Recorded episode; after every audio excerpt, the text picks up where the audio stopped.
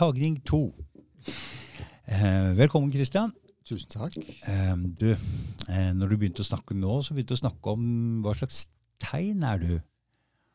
Og Eh, du er en veldig kjent astrolog. Det er, ikke sant? Jo visst. Ja. Um, og så tenkte jeg Og så begynte du med flat jord. Um, får du de tinga til å stemme ja? I aller høyeste grad. I aller høyeste grad. ja, i aller høyeste grad. Altså, det, altså astrologi Skru opp lyden hans litt. Um, Astrologi har alltid forholdt seg til at jorden er flate. Ja. Sånn, Altså, uh, så astrologer er på en måte altså Astrologer flest tror jo på den heliosentriske modellen, som består i at jorden er ei kule. Mm. Eh, Men den astrologiske praksisen den forholder seg til sånn som stjernehimmelen rent faktisk ser ut. Ja. Og sånn som stjernehimmelen ser ut, så ser det jo rent faktisk ut som det er solen som beveger seg, og at det er planetene som beveger seg. Så det er jo, det er jo på en måte den, det astrologiske synet som alltid har vært til stede. Så du kan se at den astrologiske praksisen den er det som vi da kan kalle for geosentrisk. Eller det som jeg da kaller for sann geosentrisme, ved at jorden rent faktisk er et flatt plan, og at det er rent faktisk stjerner og planeter som beveger seg. Mm. Så, så eh, astrologer flest er jo da i en litt sånn schizofren situasjon ved at de er i teorien så er de på en måte heliosentrikere, men i praksis så er astrologien geosentrisk ved at den forholder seg til sånn som stjernehimmelen rent faktisk ser ut. Så det klikker liksom bedre på plass for deg? Det er en revolusjon.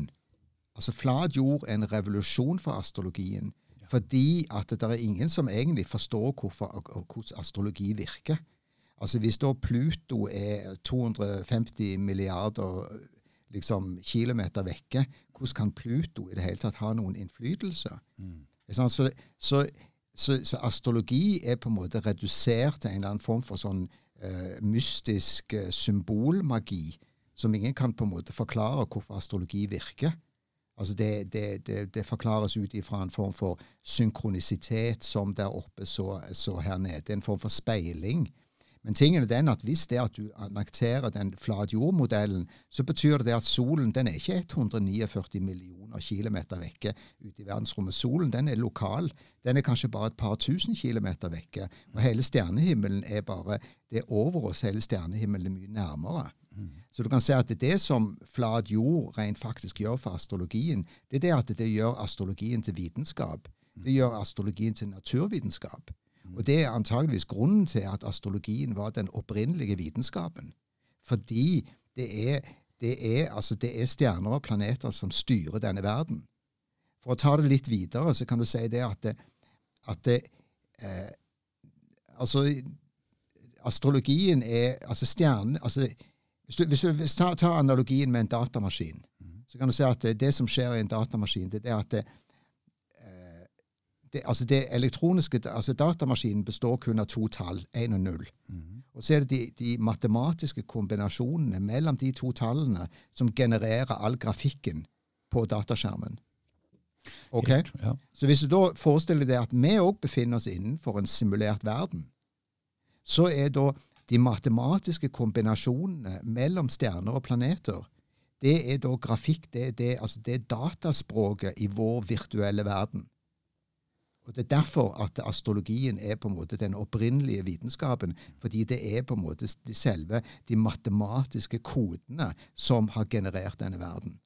For hva slags posisjon hadde egentlig astrologer for lenge siden? Det var en, ja, de hadde en sterk posisjon, ikke sant? Ja, altså det, er jo, det er jo vanskelig å si, da, særlig fordi at jeg stoler ikke så veldig mye på historie. da, sant? Men, Nei, nei, okay. men skal en tro historien, så kan du si at enhver konge med respekt for seg sjøl, de hadde en hoffastrolog som eh, holdt til oppe i et eller annet tårn i Slottet. Mm. Og Der satt han hele dagen og gjorde utregninger og, og kunne fortelle når det skulle være giftermål, eh, når de skulle gå i krig, og, og når eh, altså, altså, hva tid de skulle ha en fest, og hva tid, altså, hva styre de rette tidene osv. Så, videre. så på den måten så, så, så kan du si at konger de, de holdt seg med De hadde en hoffastrolog. Til og med også Napoleon hadde en astrolog, men han kom dessverre for seint til slaget ved Waterloo for å advare Napoleon om at dette slaget ville han tape. Mhm. Men han kom ikke fram i tide, og derfor så tapte han slaget. Så, så rent historisk så kan du si Men òg altså de store, de berømte vitenskapsmenn, altså Kepler, Galilei, uh, Newton for den saks skyld, de var alle sammen astrologer. Ja. Så, så, astronomi og astrologi det var, det var siamesiske tvillinger. Det var to sider av samme sak. Mm. Og så kan du si at det er det som skjedde Astrologi betyr logikken om planeten, og det andre betyr navnsetting? ikke sant? Nomi? Uh, ja, altså, det, altså, Astronomien det er, jo, det er, jo, blitt en form for geografi. Mm, det er navn, navnsetting.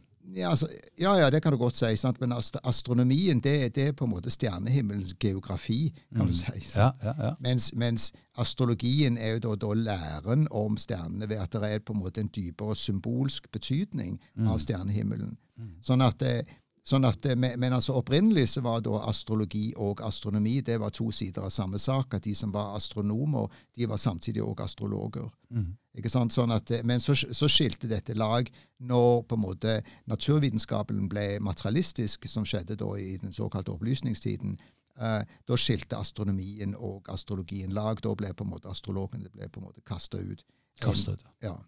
Jeg så en um, video en gang av Rick Levine som het Kvanteastrologi. Og for første gang i hele mitt liv kunne jeg forstå astrologi. Jeg syntes det var logisk. Ellers så har jeg ikke hatt veldig mye uh, tru på det, bortsett fra at uh, jeg ligner jo litt på stjernetegnet mitt. Da, det gjør jeg. Men jeg tenkte kanskje det var mer at man, siden man veit om dette siden man er liten, at man tilpasser seg og blir litt sånn som stjernetegnet sitt. Det vet jeg ikke. Nei, altså det, det, det, det, har jeg absolutt ingen tro på. Jeg tror du vil, du vil oppføre deg Altså Stjernetegnet vil ha en desidert eh, både fysisk og mental effekt, uansett om du vet om det eller ei. Mm. Altså eh, Nei, altså, altså men, men, det er klart, altså, det, er jo, det er ikke alle som er like typiske for sitt stjernetegn. Nei. Ikke sant? Og det kommer litt an på at eh, Altså du, du, skal på en måte legge horoskopet, dvs. Si du, du ser på hvordan så stjernehimmelen ut på det tidspunktet du ble født. Mm. Og Da skal du ta alle de ti planetene i betraktning. Og da må du ha tidspunktet, ikke sant? Da må du, ha, du, må ha tids, altså, du må ha tidspunktet, og du må ha fødestedet. Mm. Klokkeslett. ikke sant? Mm. Og, eh, og, det vil si at da er det på en måte en bestemt konstellasjon, det er en bestemt vibrasjon i i universet på det tidspunktet. Mm. Og jeg tror jo det at sjelen på en måte velger fødselstidspunktet. Så Hvis du kan forestille deg at, at de ti planetene er som et, sånn et eh, kosmisk orkester, så er det på en måte en, en, en lydvibrasjon. Det er en, en, bestemt frekvens som sjelen velger å bli født inn på. og det, Dermed så får du på en måte et energimønster. Du får et livskart som er i overensstemmelse med sjelens intensjon. Enkelt og greit. ikke sant? Sjelen, Kristian. Eh, ja. Hva er det? jeg har litt grann sånn problemer med, eh, med, det fordi folk sier sånn Jeg har levd mange liv, jeg. Jeg har vært 19, jeg har vært 18, og jeg kan ikke dø. Jeg er udødelig. Jeg bare går over og lever et nytt liv. Eller kristne. Jeg kommer til himmelen og skal leve evig der jeg syns det er litt sånn veldig jeiete. Jeg er veldig Jeg er veldig viktig greie, så jeg får ikke helt til å Jeg får ikke helt til å gå opp. Ja, altså det, det, blir jo da en, en, en, først og fremst en, en begrepsavklaring. Altså ja. Nå må på, på begynne å ha Det er enig. Vi må begrepsavklare ja, altså, Vi må ha på en måte definisjonen i orden her, ja. enkelt og greit. ikke sant vel? Og, eh, og da vil jeg si at det er på en måte tre nivåer Mm. Altså det er kropp, sjel og ånd. Okay. Um, og uh, da kan du si, hvis du hvis du begynner med ånd, så kan du si at det, da er det bare én ånd. Du kan si at det er Gud, uh, eller du sier at det er bevissthet eller eksistens, og som er det kan du kan si ikke-dualistisk. Vil si at det er ingen atskilthet. Altså det er bare én væren. Altså hvis du, hvis du sier eksempel, Den første setningen i Bibelen så står det i begynnelsen så skapte Gud himmelen og jorden. Mm -hmm. Det som er interessant med den setningen, blant annet, det, det, det betyr det at ja, men da var jo Gud før begynnelsen. Helt klart. Så det vil si at dette før begynnelsen, det vil si at det er bevissthet, det er eksistens, det er Det må være noe utenfor? Nei. Jorden og himmelen? Ja, det, det, er ikke utenfor. Det, det er ikke utenfor. altså Verden er på en måte bare uh, Gud i en annen form. Altså du kan si hvis havet, altså Bølgene er ikke utenfor havet. Bølgene er en del av havet, men, mm. men, bølgene er bare havet i en annen form. Mm. Og så kan du si at det, altså bølgene Havet er ikke avhengig av bølgene, men bølgene er avhengig av havet. Så, så du kan si at det er dette opprinnelige havet av bevissthet, av eksistens, av væren, før noe som helst er skapt overhodet. Ok? Mm. Hvis en kan forestille seg det, hvis en kan forestille det som en sånn form for svømmebasseng Mm. ok, av, av ubegrenset potensialitet, som, som kvantefysikerne kaller det. Ja, ja, ja. Ok? Og Så kan du si det, så, ok, men så, så skjer det ingenting. Du, hvis du titter inn i dette her badekaret, dette bassenget, så er det absolutt ingenting å oppleve. Det er ingen fenomener, det er ikke noen verden, det er ikke blomster, dyr, planter osv. Men så plutselig så skjer det en liten virvel. Fordi det oppstår en, en, en polaritet mellom himmel og jord, mellom pluss-minus, mellom yin og yang. Okay? Så kommer den første polariteten på samme måte som en datamaskin. Den første polariteten mot 1 og 0. Mhm. Og så sier jøss, nå er det noe. Og da er, oppstår det plutselig et objekt som har en begynnelse og en slutt.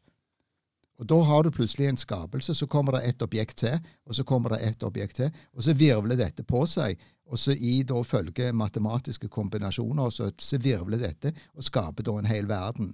Sånn, sånn går det an å forestille seg at det på en måte verden er blitt skapt. Mhm. Og det er liksom det du finner i veldig mange mytologier og skapelsesmyter. prater vi om jorda eller verden? Nei, nå snakker vi om verden. Vi snakker om altså, verden i sin helhet. He- Hele. Ikke sant? Altså, ja, ja. Because I begynnelsen så skapte Gud himmelen og jorden. og Først var det altså bare Gud, ikke sant? og så kom det altså denne polariteten. Og Mhm. ut av denne polariteten så oppsto de 10 000 ting. Mhm. ikke sant? Så, så, det, så det er da altså det er da ånd. ikke sant vel? Det vil si at det er bevissthet, det er eksistens, som, okay. har, som har muligheten til å, å projisere ut en, en verden som vi da på en måte deltar i.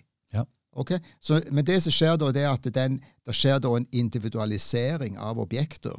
Ikke sant? Så kan du si det at, at sjelen, sjelen er da at det blir på en måte født et, et individuelt vesen.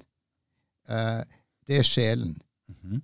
Og så det, på, på, på, i den, Ja, OK, det er sjelen. Og så, eh, og så tar den sjelen form i en fysisk kropp Mm. når det blir en ledig. Mm. ok?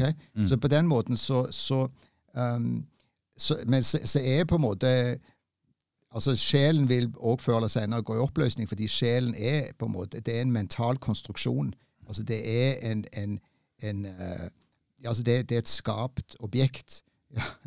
Ikke sant? Men du gjør ikke forskjell på um, forskjellige kropper når du sier sjel eh, har dyr sjel? Um, For I ja, den det- måte du forklarer jeg, nå? jeg, jeg, tror- jeg, tror, jeg høyerestående pattedyr har sjel, ja. Mm. Ja, fordi, fordi jeg ser, så på min hund, og jeg tenkte jeg tror ikke jeg hadde klart det så mye bedre å være hund enn han øh, gjorde. Så jeg vet ikke hva Hvis du ikke Nei, har språk og, og sånne ting, så jeg Jo, men, jo, men altså den, den som egentlig er, når du da refererer til jeg, sant? det som jeg egentlig refererer til, det er bevisstheten. Ja. Fordi altså, de tingene som, som du normalt identifiserer deg med, er at for jeg er ikke kroppen, jeg er ikke tankene, jeg er ikke følelsene, jeg er ikke personligheten.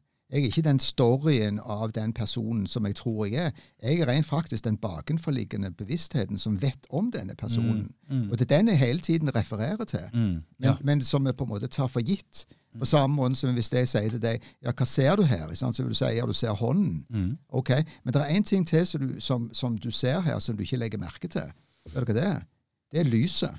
For det Hvis det ikke hadde vært noe lys her inne, så hadde du ikke sett noen ting. Nei. Og Det er nettopp bevisstheten. Altså Bevisstheten er den oppmerksomheten som skal være til stede for at du skal være i stand til å kunne oppleve noe som helst. Mm. Men det legger vi ikke merke til, og det reflekterer vi ikke over. Men det er det vi hele tiden refererer til når du da sier 'jeg'.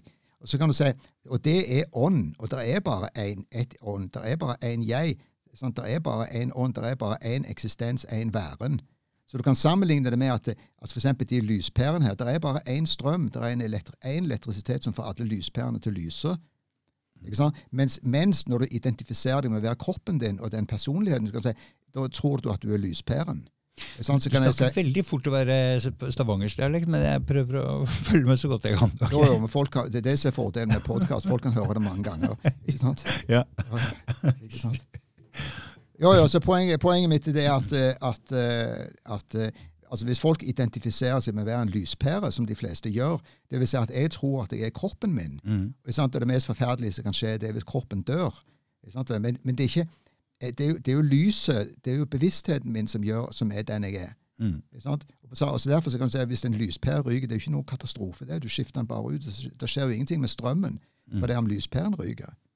Så det, så, det, det, så det er liksom litt av den begrepsavklaringen når du da snakker om sjelen. Mm. Så kan du si det at, det- at det, som jeg da sier, det er tre nivåer. Det er kropp, sjel og ånd. Og så, så vil jeg si det at sjelen er rent faktisk en individualitet på, på det mentale plan. Og rent faktisk, når vi dør, så vil sjelen gå videre andre, på andre mentale plan og, og, og på en måte fortsette sin reise og på en måte forberede seg til å uh, ta seg en pause etter den inkarnasjonen og uh, vente ta en kølapp til det blir ledig neste gang. Jeg har, jeg har en annen sånn tanke om dette. Det er at, um, at vi blir en del av en hel Ok, så hvis alle mm, Hvis Gud og alle observasjoner og alle tanker er et eller annet sted Noe jeg tror, for jeg tror vi kan koble oss på det, at det en, vi har en felles bevissthet, menneskeheten. Uh, og da tror jeg at vi blir en del av det når vi dør. Eller tror du vi blir en, forblir eh, vår egen, egen sjel der oppe i det fellesbevisstheten? Hva tenker du? Altså, um, det, det som er viktig å poengtere, det, det er at det, altså mine tanker om dette dette er liksom ikke min sånn hobbyfilosofi.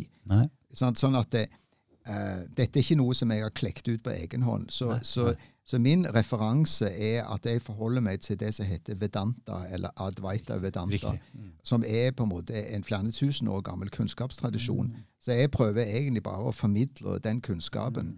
Så, Mm, sånn at det, i motsetning til, til mange andre innenfor selvutviklingsbransjen som har på en måte sitt litt lys, så Mm. lager de på en måte sitt hjemmesnekra evangelie. Ja, og, er som en, og som en annen og som en annen Moses stiger ned fra fjellet med nye bud som folk skal følge osv. Ja. Altså, I motsetning til det så, så prøver jeg å formidle eh, eh, den kunnskapen som kommer fra den kunnskapstradisjonen og, og, og på en måte formidle de konseptene som er innenfor den tradisjonen og den forståelsen som er der. Mhm. Og, og det er derfor jeg sier at eh, når vi skal snakke om sånne abstrakte ting som sjel og bevissthet osv., så, videre, så er det på en måte det første vi er nødt til å gjøre, det er å sette oss ned og så ha på en måte definisjonen i orden, sånn at Mhm. vi på en måte kan snakke samme språk her, enkelt og greit. Mm, Ja, det er bra. Så, og der er på en måte den kunnskapstradisjonen er veldig tydelig på akkurat det. da. Så det så, så, men som sagt, altså det er et viktig poeng å si at dette er ikke min måte, min hobbyfilosofi. Eh, Men det sagt så kan du si at Vedanta er ikke noe sånn spesielt eh, De bruker rent faktisk ikke ordet sjel i den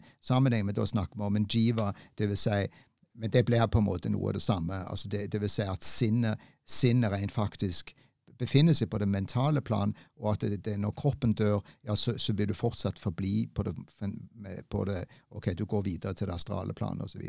Okay, Ja. Mm, mm. Ja, du går videre til det astrale planet. Ja. ja. Men, men i denne vedantaen har mennesket en felles bevissthet? ja altså, det er bare er en bevissthet. Uh, Det er bare én bevissthet, ja. ja. Mm. På samme måte så det er bare én eksistens. Altså, det er jo ikke sånn at eh, kroppen har en eksistens, og du har en eksistens, og kameraet har en eksistens. Altså, det er bare én Men er vi, er vi sammenkobla på en måte? Kan vi koble oss opp mot hverandre? Ja, vi er ett. Ja, vi er ett. ett. vi er ett, ja. Altså Mm. når du, det, det var det Jesus sa, vi er alle ett. Ikke sant? Så Mm, tingene det at, mm. det, at når, du, når, du, når jeg titter inn i dine øyne, og du titter inn i mine, ja, så er det, så er det, den, samme, det er den samme bevisstheten som gjenkjenner. er den samme bevisstheten, ja. den samme Mm, bevisstheten som gjenkjenner hverandre. Så vi er egentlig bare ute og, og samler inn informasjon og opplevelser til denne bevisstheten?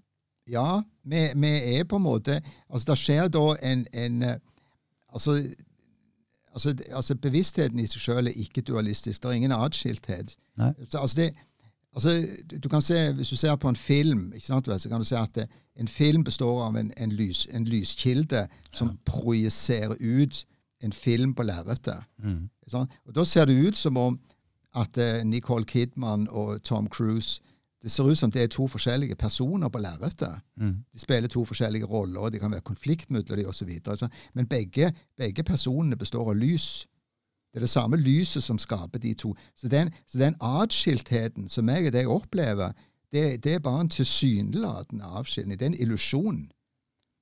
Mens vi er så fanga av den illusjonen fordi vi er da i den dualistiske verden ved at jeg tror at jeg er denne personen med denne kroppen og denne personligheten, og der sitter du, og meg og deg er grunnleggende atskilt. Mm. Og vi kan til og med ha ulike interesser. Hvis det nå står en, en, sjokolade på bordet som jeg har mer lyst på enn deg, så har vi et problem. ikke sant? Mm, mm. ja. Men altså, så, så, så, det er jo det som er på en måte skapelsen. Det er jo det at ut av denne helheten, ut av denne ikke-dualistiske helheten, så oppstår det da på en måte en, en splittelse ved at alle blir, blir, blir fragmentert ut i individuelle, skabel, individuelle individer, som, som, alle er bevissthetens individuelle kikkhull ut mot universet. Og at du kan se at, at bevisstheten gjennom skapelsen er på en sånn en gigantisk kosmisk reise av spektakulære opplevelser og som, som, som, hvert individ opplever individuelt. Så det, det er jo en, en, et spektakulært uh, fenomen, og, og det, det, det, er bare ja, Men altså, problemet vårt er det at altså, vi er egentlig på kino og, og nyter en fantastisk underholdning. Mm. Men problemet Vi tar det for alvorlig? Ja, vi tar det for alvorlig. Sant? Altså, Gud er en komiker med et publikum for nervøst til å le. Mm. Men vi, vi blir fanga av denne virkeligheten fordi vi tror det er virkelig. Mm. Altså, sant? Hvis du går på kino og du, og, du, og, og du ser en film Eh, og du tror at det som skjer på lerretet, er virkelig, så blir jo denne filmen et mareritt. Og det som er grunnen, grunnen, til at det er kjekt å gå på kino, det er fordi at du vet det er en film. Mm. Men, og hvis du kan ha det samme forhold til denne verden, og vite at bevisstheten, den som jeg egentlig er, er fullstendig fri og upåvirka av denne verden Denne verden kan ikke gjøre meg noe. Mm. Da er du fri. Mm. Og det er det, som er, det er det som er hele poenget med åndelig utvikling og mm. Vedanta for den saks skyld. Mm. Det er nettopp å bli fri fra denne verden. Og det gjør du gjennom kunnskap ved at du rent faktisk forstår at dette er en illusjon. At det er ingen atskilthet. Mhm. Men, men, alle har vel snev av det å kunne se oss selv litt ovenifra og kunne le og humre litt av oss sjøl, til og med i alvorlige situasjoner? Jo, altså alle har den evnen til å kunne observere seg sjøl. Det er litt viktig. Altså, du, du, kan jo bare begynne med at du kan se deg sjøl i speilet. Ikke sant? ikke sant? Det er ikke noe men, ja. men, men, ikke sant? selv uten et speil mm. så kan du se at du opplever at jeg er ikke, altså Du kan oppleve din egen kropp. Ikke sant? Jeg kjenner jeg har en kropp. Mm. Så, så, så, kroppen er rent faktisk noe ytre i forhold til oppmerksomheten. Mm. Og det samme gjelder også tankene. Du kan observere tankene. Så at ja, nå, nå, kjenner jeg at jeg blir irritert, nå kjenner jeg jeg blir nervøs, nå kjenner jeg at jeg blir glad, osv. Du kan observere følelser og tanker. Mm. Så, så det, og det er, jo, det er, jo, liksom noe av det som kommer med meditasjon. Når folk begynner med mindfulness eller meditasjon osv., så, videre, så så oppstår det på en måte spontant hvis ikke de har en god nok lærer som forteller dem akkurat det. Altså, hør, du er et vitne og Dermed så får du på en måte et visst avstand til, til tanker og følelser. Mm. Du kan se, Barn for eksempel, de mangler den evnen. Det er derfor barn begynner å grine. For det at når opplevelsene blir for overveldende, så, så, klarer du ikke lage, så har du ikke avstand til det. Nei. Og Dermed, dermed så, så, bryter på en måte uh, sinnet sammen i en i, en, i, på en måte en forsvarsreaksjon av gråt. Altså. Men, men, det gjelder jo veldig mange mennesker. også Når følelsene blir for sterke, så er det veldig vanskelig å ta avstand akkurat der og da og, og le av det hele. Jo, det, det, er derfor at det å, det å, å, å bli frigjort, det er mye eh, lettere sagt enn gjort. fordi mm fordi For Når de sterke følelsene kommer, da er det er da det er vanskeligst å, å ha avstand til seg sjøl? Jo, fordi altså, på, på, ting, Det er fordi at vi er så Altså, du kan se det, det som jeg sier nå, det, jeg har på en måte bare en intellektuell forståelse av mm. at verden er en illusjon. Ja. Men, men 99 av meg eh, er fortsatt fanga i denne illusjonen. Ja. Altså, liksom, Det var en, en, tigger som hadde vært tigger hele livet. ikke sant? Og så I India så vant han i lotteriet, og så var han blitt kjemperik. ikke sant? Og så um, satt han liksom inne i luksusbilen sin og kjørte gjennom gaten i India, og så plutselig så var det noen som ropte 'gratis mat', og så spratt armen rett ut sånn som det her. ikke sant? Ja. Så tingene var den at Selv om han var blitt rik, så hadde han fortsatt tiggerbevissthet. Mm. Og sånn, sånn, vil det være for meg òg. Selv om jeg har jeg er blitt rik av denne kunnskapen, Mm. Ikke sant? Men jeg har fortsatt en, på en, måte, en fattigdomsbevissthet i den forstand at jeg er fortsatt programmert inn i å være identifisert med denne personen. I, være identifisert i dualisme, kan du si. ikke sant? Mm. Så, der, så Derfor så, så, så, er det absolutt lettere sagt enn gjort at når, når du kommer i en farlig situasjon, eller du blir trua, eller det kommer en regning så du syns er litt for ubehagelig, eller plutselig jeg, jeg, tror kanskje jeg blir syk, eller et eller annet. sant? Det er, det Altså, er lett å ta alvorlig. Ja, Da er du bang, altså, eller noen fornærmer deg, eller et eller annet, eller Mm, skryter av deg mm, osv. Så, videre, så er du bang inni Altså, Egoet egoet er bare altså Den dør ikke uten en fight, altså. i sant? Men du, Kristian, eh, hvor gammel er du? Eh, hvem, hvem er det du refererer nå til? Er det, er det, hvem av de? Kroppen? Eh, ja, kroppen. Ja, kroppen. Jo, altså mitt, mitt menneskelige legeme, det, det, runden, det ble 69 her for en liten stund siden. Og eh, hva kom først? Astrologi eller dette Vedanta-greiene? Eller er det en som går hånd i hånd? Ja, altså Det som kom først for mitt vedkommende, det, det var jo egentlig en, en sannhetssøken. Altså det, det, var, det, begynte jo med en identitetssøken av at uh, um, at det, ja, altså, altså, Jeg følte liksom dette var en veldig merkelig verden. Hva, når jeg var sånn 19-20 år gammel. Sånn, hva, hva i all verdens land og dager gjør jeg her? Ja. Hva, hva, er meningen med dette her? Altså, det, jeg følte meg så uh, på en måte fremmed ikke sant? og, og syntes liksom Ja. Så jeg ble veldig sannhetssøkende. Mm. Og uh, du har jo et glass vann? Jeg synes det, Det har jeg. Ja. så, Har du bytta til den? Ja, ja, skal vi se. Jo.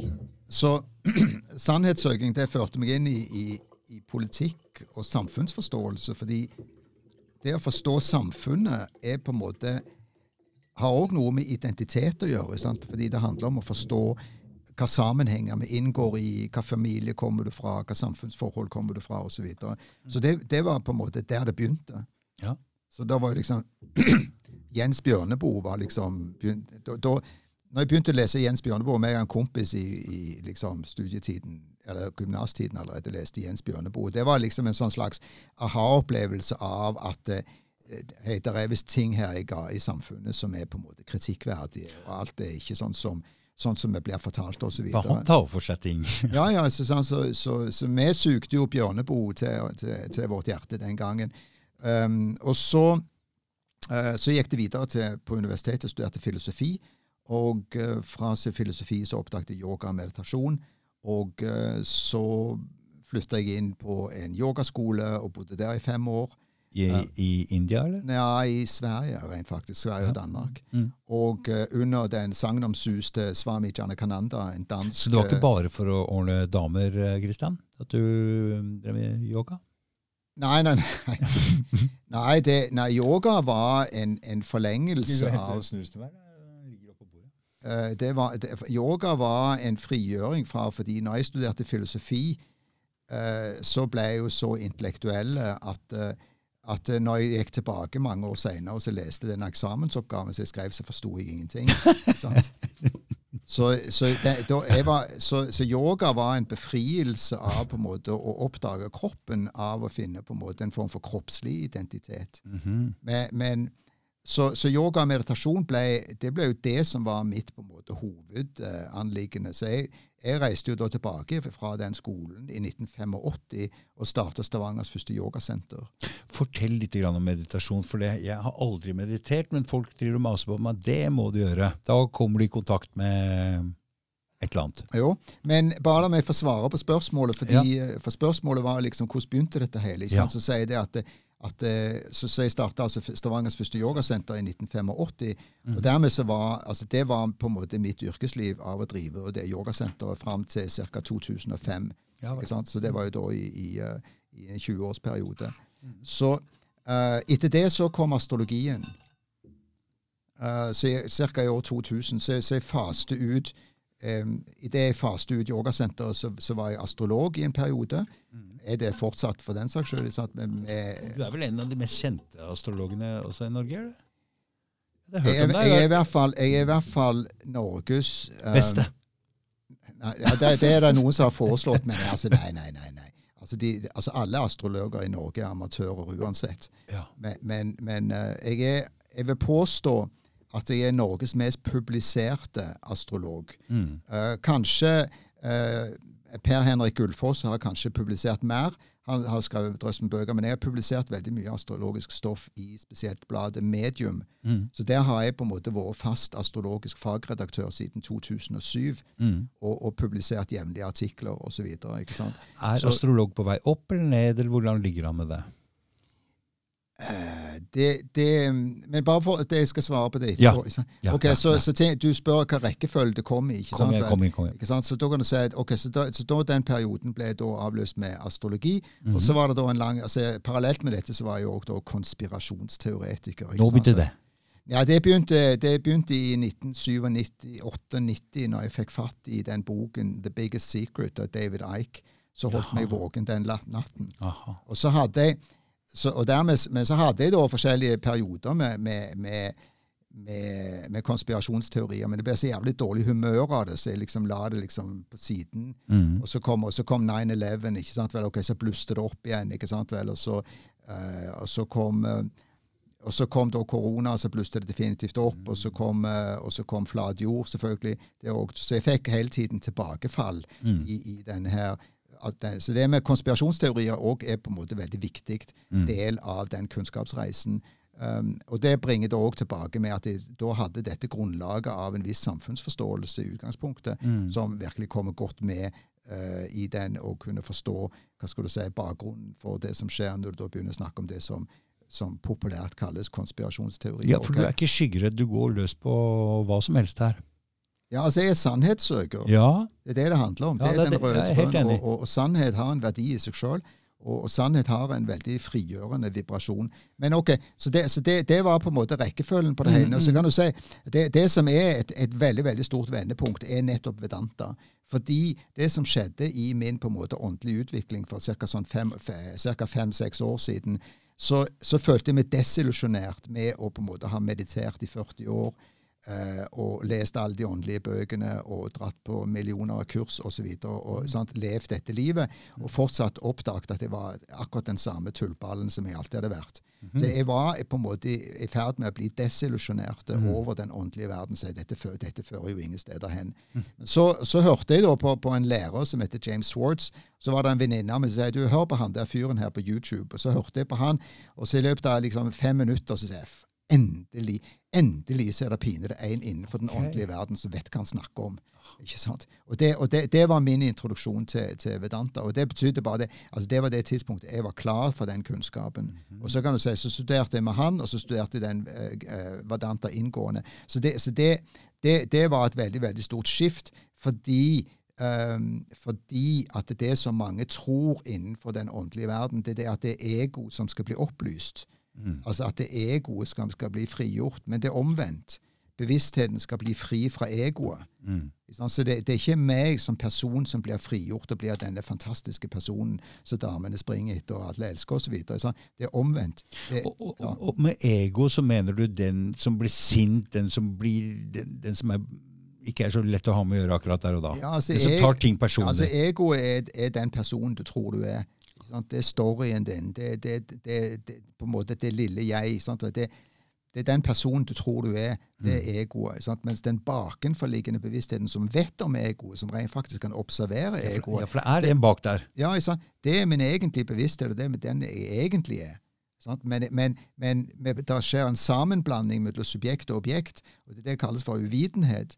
Sant? Det, skjer en sammenblanding ved at jeg tror jeg er kroppen, jeg tror jeg er tankene mine, jeg tror jeg er følelsene mine, mens den som jeg egentlig er, det er, det er den bakenforliggende bevisstheten. Så det, så det, det, var, da, eh, det var da svaret på det spørsmålet, liksom, hva, hva var rekkefølgen på, Mm, mm. på de ulike temaene. Mm, Så, mm. så, så def, definitivt, de, de to store gjennombruddene var egentlig oppdagelsen av, av yoga. Det var, det var definitivt viktig gjennombrudd. Og det neste det var oppdagelsen av vedanta. Det, definitivt. Og så, Mm. kan du, så, så, så, så har du da de andre temaene etter hvert. Men ser du det med å leite etter sannheten innover, sannheten om oss selv, og leite etter sannheten utover, altså skjulte konspirasjoner, er, er det, eh, har det noe med hverandre å gjøre?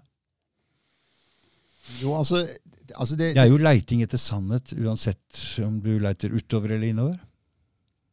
Absolutt.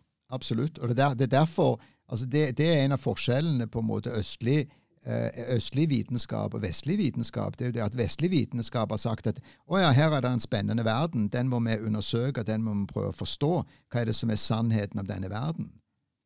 Og så har de tatt for gitt Vestlig vitenskap tar for gitt at det er på en måte et, en observatør. Du kan på en måte være flue på veggen i virkelighetens laboratorium. Men det som de sa i Østen, så sier de nei, nei, nei, nei vent et lite øyeblikk. Uh, jo, det er en verden der ute, men, men, hvordan kan jeg vite noe om denne verden hvis de ikke vet hvem jeg er, som observerer denne verden? Så Derfor så er Østen det på en måte den indre vitenskapen, hvor de først sier vi er nødt til å finne ut hva bevisstheten er, før vi kan begynne å si noe fornuftig om den ytre verden. Mm. Så, så, på den måten så er på en måte, Hvis du kaller den formen for erkjennelse for yoga, så kan du si det at, at, at vi altså, eh, altså yoga blir da på en måte Østens vitenskap av å gå innover. Og så blir da altså Vitenskapen blir da Vestens yoga. Den derre kvantefysikk-splitt-teorien hvor du the observer Den avgjør Har du sett den? Ja, ja, definitivt. Ikke sant?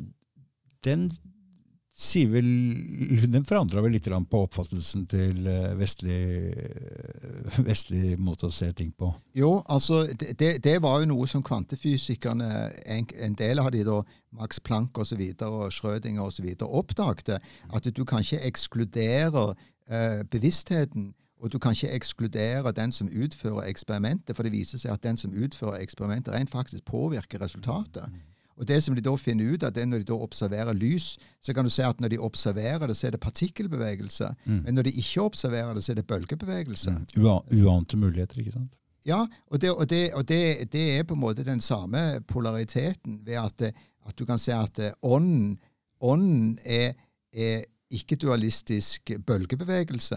Bøl men, men vi, er i, vi, er i, partikkelbevegelse. I det øyeblikk du er bevisst og, og liksom fokuserer på noe, da er du inne i partikkelbevegelsen. Og det, og, det, er nettopp den samme dualismen som vi nå snakket om i den andre sammenhengen. ved at, at, at, at altså, er, verden har to dimensjoner. Den ene dimensjonen er, er den åndelige dimensjonen ved at det, at det er bevissthet, og den andre er den materielle, fysiske dimensjonen. Ikke sant? Og, det, og den parallellen Men det, det, det, er ikke, det, er ingen atskilthet. Det er bare det at den fysiske verden er den åndelige verden i fysisk form. Og Derfor brukte jeg den analogien med, med, havet og bølgene. Altså Det er ingen atskilthet mm, mellom mm. havet og ja, bølgene. Mm. Det, det, er to sider av samme sak.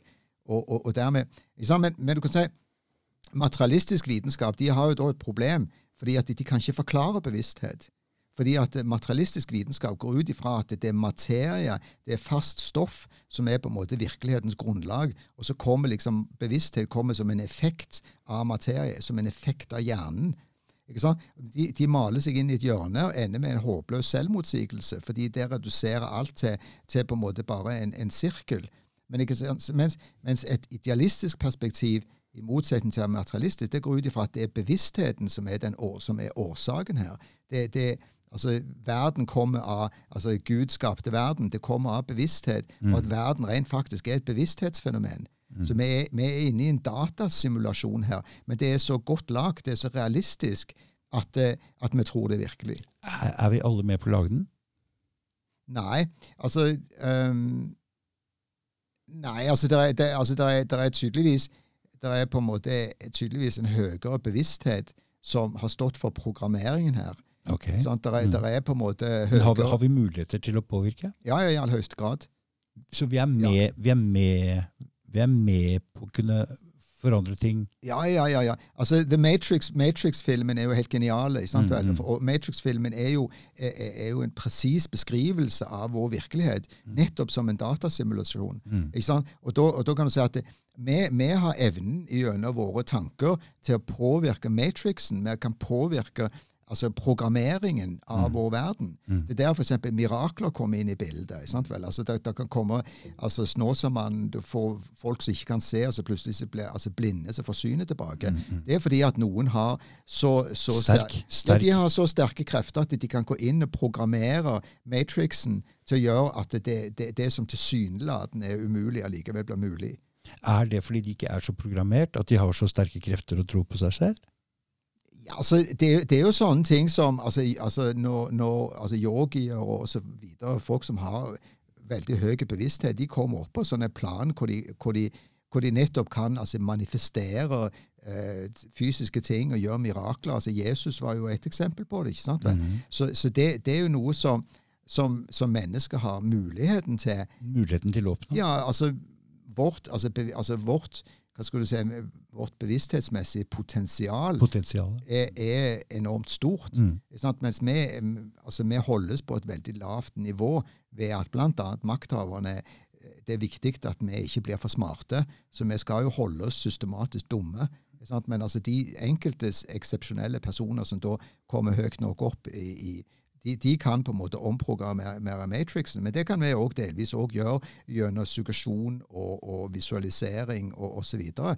så kan vi, vi kan påvirke eh, omgivelsene og fremtiden med at vi kan påvirke bevisstheten. Um, er mennesket i en slags evolusjon? Um, har vi om 100, 200, 400 år sterkere krefter, flere uante muligheter til å kunne påvirke? Er vi annerledes enn nå?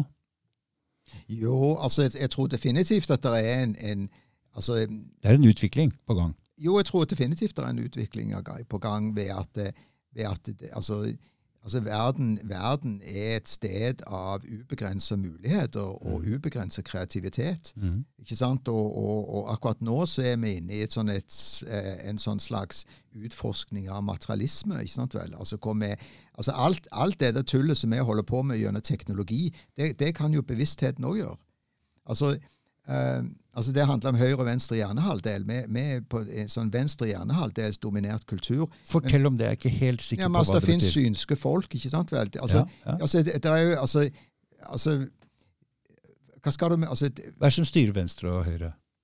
Nei, altså det, det, er jo lagt sånn, altså Venstre hjernehalvdel det er den logiske og fornuftige. Okay. altså det Du skal løse kryssordoppgaver og matematikkoppgaver. og, og Altså Det er den logiske, fornuftige. Den, den, mm. Det er venstre hjernehalvdel. Høyre hjerne det, det er den intuitive, kunstneriske, kreative, den morsomme.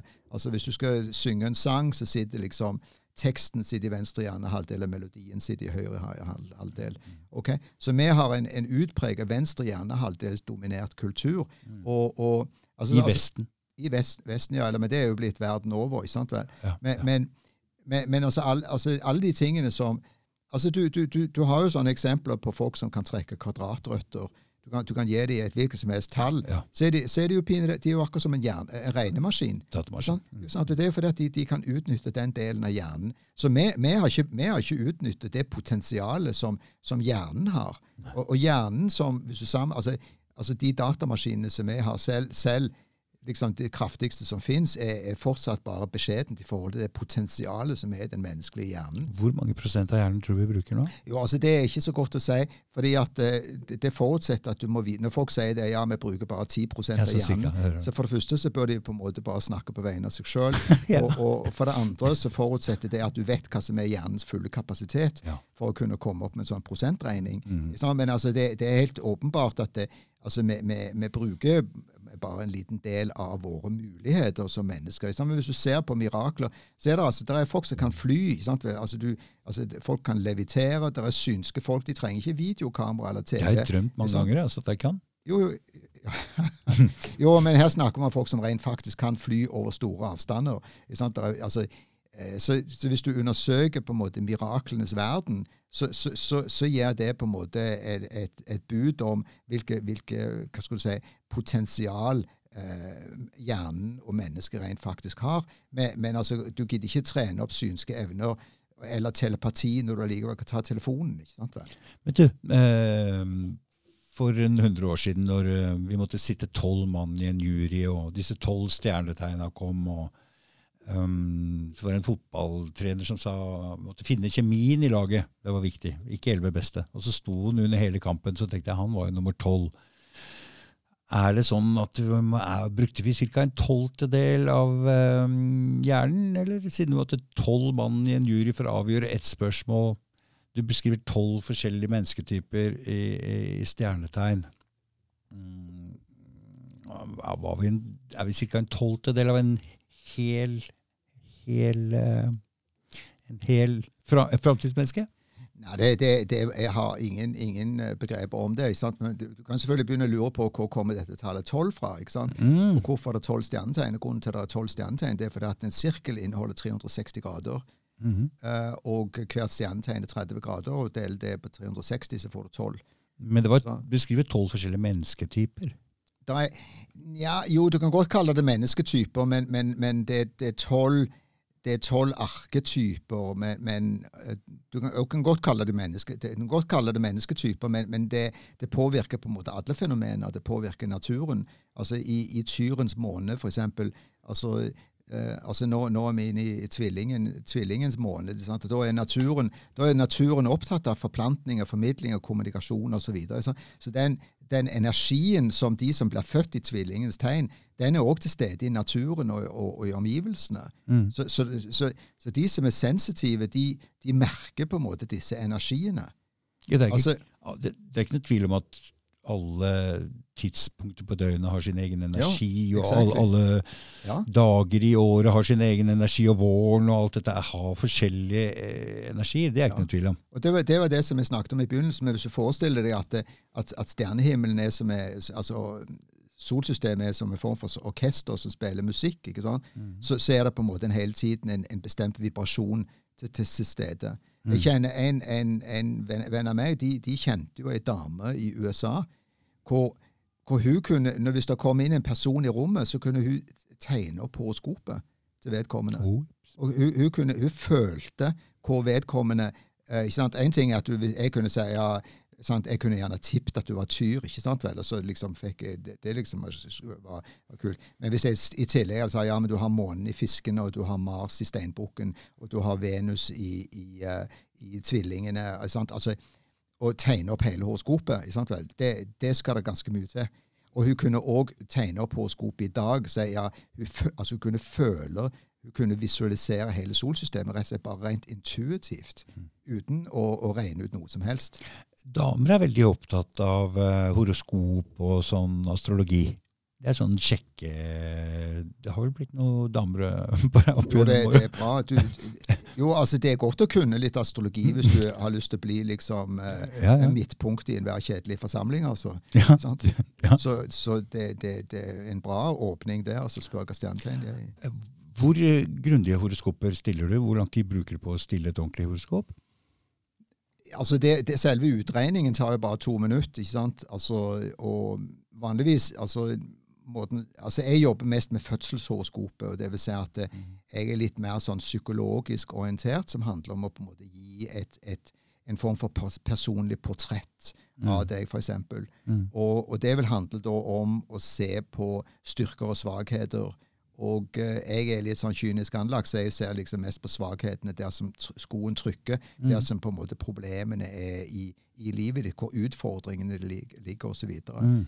um, så så det, det, det er vanligvis litt sånn samtalebasert, ved at det på en måte liker Så du kan ikke bestille et sånn hyggelig horoskop hos deg? Nei, da må du gå til noen andre. Da må du gå til noen andre. Ikke sant? Så, så det, Og det tar vanligvis en time eller to. Altså, Jeg selger ikke tid, sånn at det er på en måte en, det, det er på en prosess, sånn at vi holder på til Men du har ikke lagt det på hylla? Du har ikke lagt astrologi på hylla? Nei, nei, nei. altså Jeg, jeg er fortsatt er veldig veldig fascinert av astrologi. Og, og, altså, og jeg går jo liksom rundt med astrologiske briller Mm. sant vel, og, og ser at eh, astrologien virker. Og når, når altså, ser ulike fenomener. Ikke sant? Når denne her eh, denne her hangarskip, dette her militærkrigsskipet seiler inn Oslofjorden, mm. så, så går hun inn og ser på horoskopet for å se hvordan ser stjernehimmelen ut. Og når du da ser at f.eks. Mars, som er krigsplaneten, når den da står i opposisjon til Pluto, så, så, var det på en måte, så kunne vi på en måte vente nettopp noe sånt. Mm. Så, så fordi Mars handler da altså om krig, aggresjon, konflikt, og Pluto det, det er litt i samme hyllen. da, Så når de to på en måte setter opp en sånn kraftig spenning, så, så er det veldig passende at liksom verdens største krigsskip plutselig seiler inn Oslofjorden. Du, du har jo levd av å, være astrolog. Men så kommer jo du med veldig mye um, skarpe påstander om alt mulig. Her har du vel mista noen kunder. Um, flat jord her og 9-11 der og vel ikke alle som er like fornøyd med det, eller, hva, eller gjør ikke det nå? jo da, altså det, det har sin pris å, gå på torvet med, med, spesielt flat jord. ikke sant? Vel? Mm. Fordi det, det er og covid og, covid òg, ikke sant? Jo, det òg. Altså, så, så, du kan si i familiesammenheng så, så, er det på en måte ikke tema begge deler, faktisk. ikke sant vel? For Nei. å bevare husfreden. Og, og, altså Jeg har jo arrangert Alternativmessen i Stavanger i, i 22 år. Så, mm. så, jeg mista jo litt kunder. og det, altså det, som, det som var såra meg eller, jeg, jeg, skulle, jeg, skulle, holde et seminar om Vedanta, ja. som hadde absolutt ingenting ingenting med, med flat jord. Men, mm. men, og Der var det drøss med påmeldte, men så lagde noen en, en, intern kampanje for at nei, de, de, kunne ikke gå på dette seminaret fordi jeg var da liksom eh, ikke troverdig i og med at jeg trodde på flat jord osv. Så, videre. så Så det, det, var jo et eksempel på en form for boikott som følge av det. Og jeg, jeg opplever jo en form for akademisk apartheid eh, ved at i visse akademiske sammenhenger så ville jeg på en måte vært ville være, være, en veldig relevant bidragsyter, men er blitt boikotta nettopp pga. flat jord. Nesten overalt? Mest, altså, mest, mest pga. flat jord, eller ja, covid? Men, jo, men det, ja, eller begge deler. ikke sant? Mm. Vel, ikke sant? Altså, det er også, altså Selv også covid er også uh, kjempekontroversielt å, å, å, være på en måte kritisk til og motstander av osv. Mm. så, så, så, så det er klart at det altså, um, altså Når du ikke liksom er, er godtar de, de allmenne, oppleste, vedtatte dogmene i samfunnet, så, så, så, blir du utestengt fra, fra de, de, mer etablerte miljøene. Definitivt. Mm. Men det er jo bare et skuespill. Jo, alt er, alt er når det kommer til stykket, et skuespill. Altså, sånn at eh, så, så, så, jeg tar det så det kommer.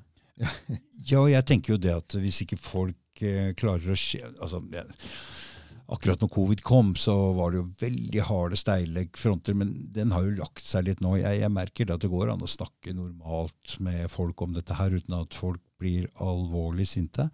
Um, en flat jord jeg, jeg, er ikke Du vet, jeg, jeg, um, jeg er veldig nysgjerrig på det. Det er masse gode argumenter, uh, og, men, men, men, jeg veit jo ikke. Jeg har ikke gått så langt at jeg har det, det, er, en, det er jo en fullstendig no-brainer. Altså, Du trenger bare ett argument, ja. og det er det at vannet vannrett. Vateret mitt er ganske altså, rett. Altså, jeg har ja, men, et vater. Nei, men altså, van, nei, men altså vannet vannrett. Altså, du, mm. uh, den dagen de altså, Det fins lasermålinger altså du, du, Hvis du måler altså hvis, For at jorden skal være ei kule, så må altså havoverflaten krumme seg. Mm. Og hvis havoverflaten er vannrett og ikke krummer seg, så kan det ikke være ei kule. Det, altså Så enkelt er det. Mm. Men, men det, det, er en form for logikk som folk ikke klarer å ta. Men det er ikke det at de ikke forstår logikken. De vil ikke forstå det. Sant? Så tingen er at Nei, ingen, ingen, kan overbevises mot sin vilje. Sant? Så folk er så, folk er så, så dypt programmert og hjernevaskt inn i at jorden må være i kuler Så dermed så, For de aller fleste så hjelper det ingenting med så mange logiske argumenter du bare kan komme med. Nei, nei. nei men det du kan, du, kan, du, kan ta, ta, ta, du kan ta en tennisball, og så kan du ta en liter vann og så se om du klarer å feste dette liter vannet rundt den tennisballen. Det, det tviler jeg på du får til. altså. Jeg skjønner det, Kristian, men det er jo mye eh, folk assosierer seg med mye mindre meninger enn det altså de, altså de, plasserer seg et eller annet sted her, og da mener de det om den tingen, det om den tingen, og det om den tingen. Og der er dem. Så kan de ikke ta bort noen av de tingene, for da detter hele tilværelsen bort. Ikke sant? Så det å komme med flat jord da, det blir jo helt Da veit jeg ikke hvor de havner hen i det hele tatt. De har sikkert familie og venner og Det er vanskelig å ta bort eh, meninger fra folk. Det er en ting jeg ja. det, det, det, behandler, det, det, mener jeg at folk assosierer seg med meningene sine altfor sterkt. De tar, tar det altfor alvorlig. Så de må begynne å se på dette som et skuespill. Jo, men apropos skuespill, så har Henrik Ibsen, vår eh, største forfatter, han har behandlet dette temaet veldig grundig i to skuespill. Ja. Det ene skuespillet heter 'Villanden', og det andre skuespillet heter 'En folkefiende'. Mm. Og i 'Villanden' så handler det om det, det destruktive i å fortelle sannheten.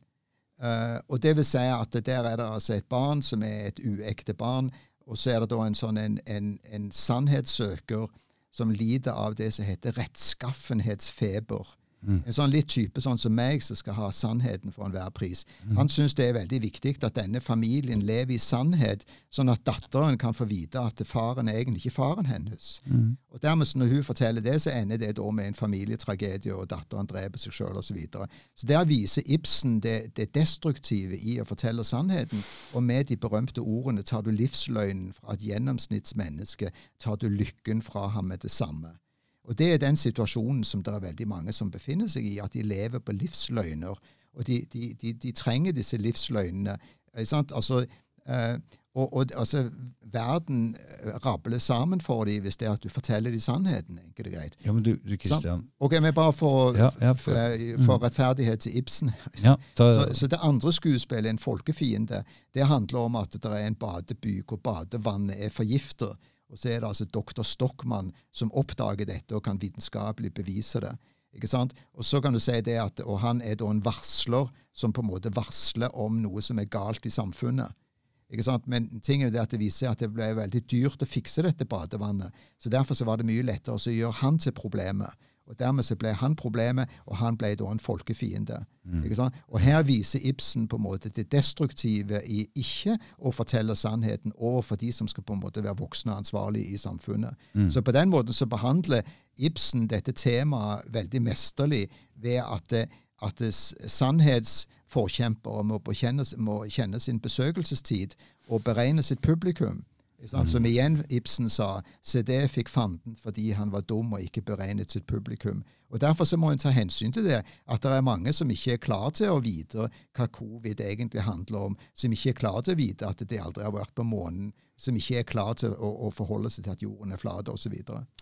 Men for meg så er det liksom sånn at um, hvis Gud er på ene sida, og han snakker sant, og alt på den sida er sannhet, er god, er god og, og, løgn er på den onde siden. Hvis det er så enkelt som det da det, For det første, med løgn, så mye løgn i verden, så er det nesten umulig å orientere seg.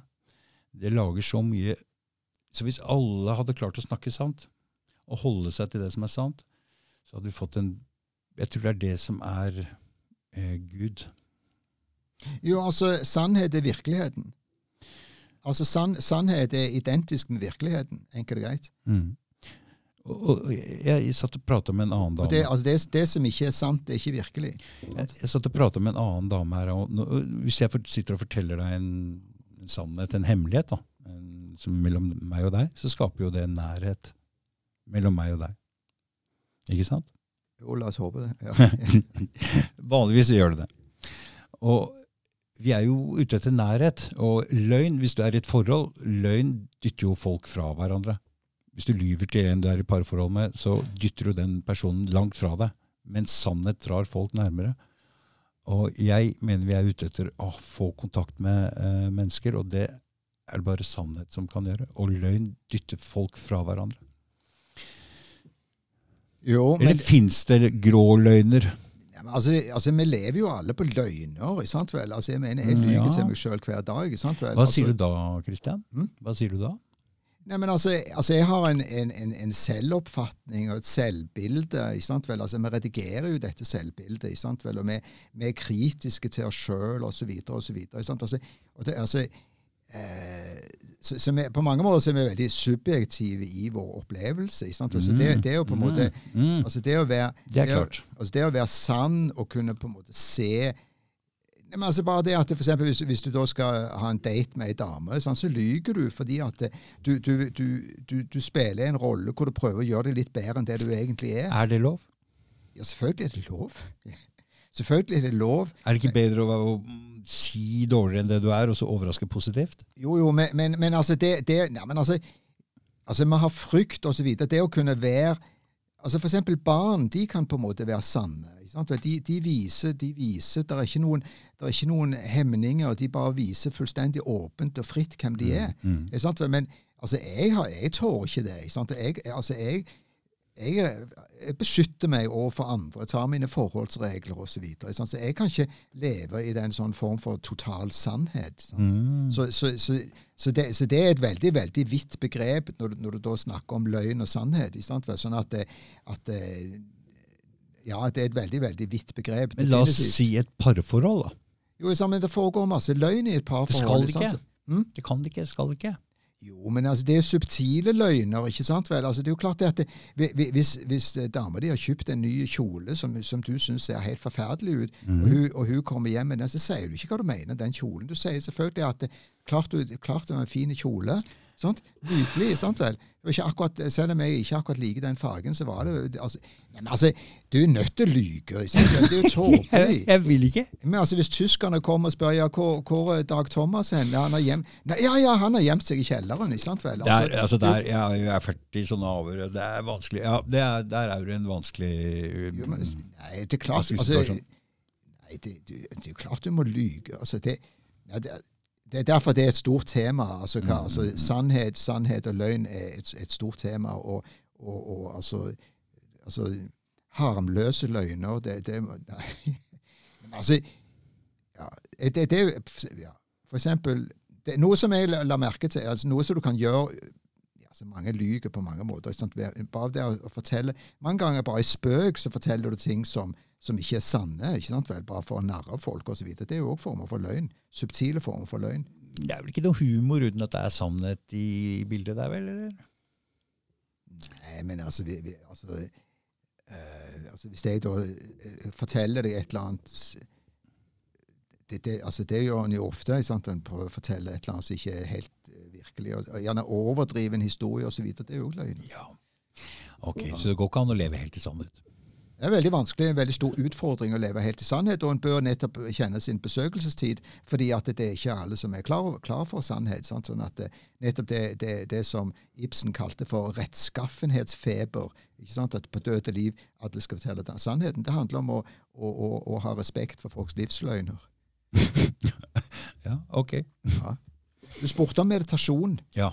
Um, ja. Jeg har, um, jeg har ikke helt skjønt hva det er det er noen som sier at du må bare konsentrere deg om en liten sånn ting som ikke er noe, og så bare stilne av alt rundt deg.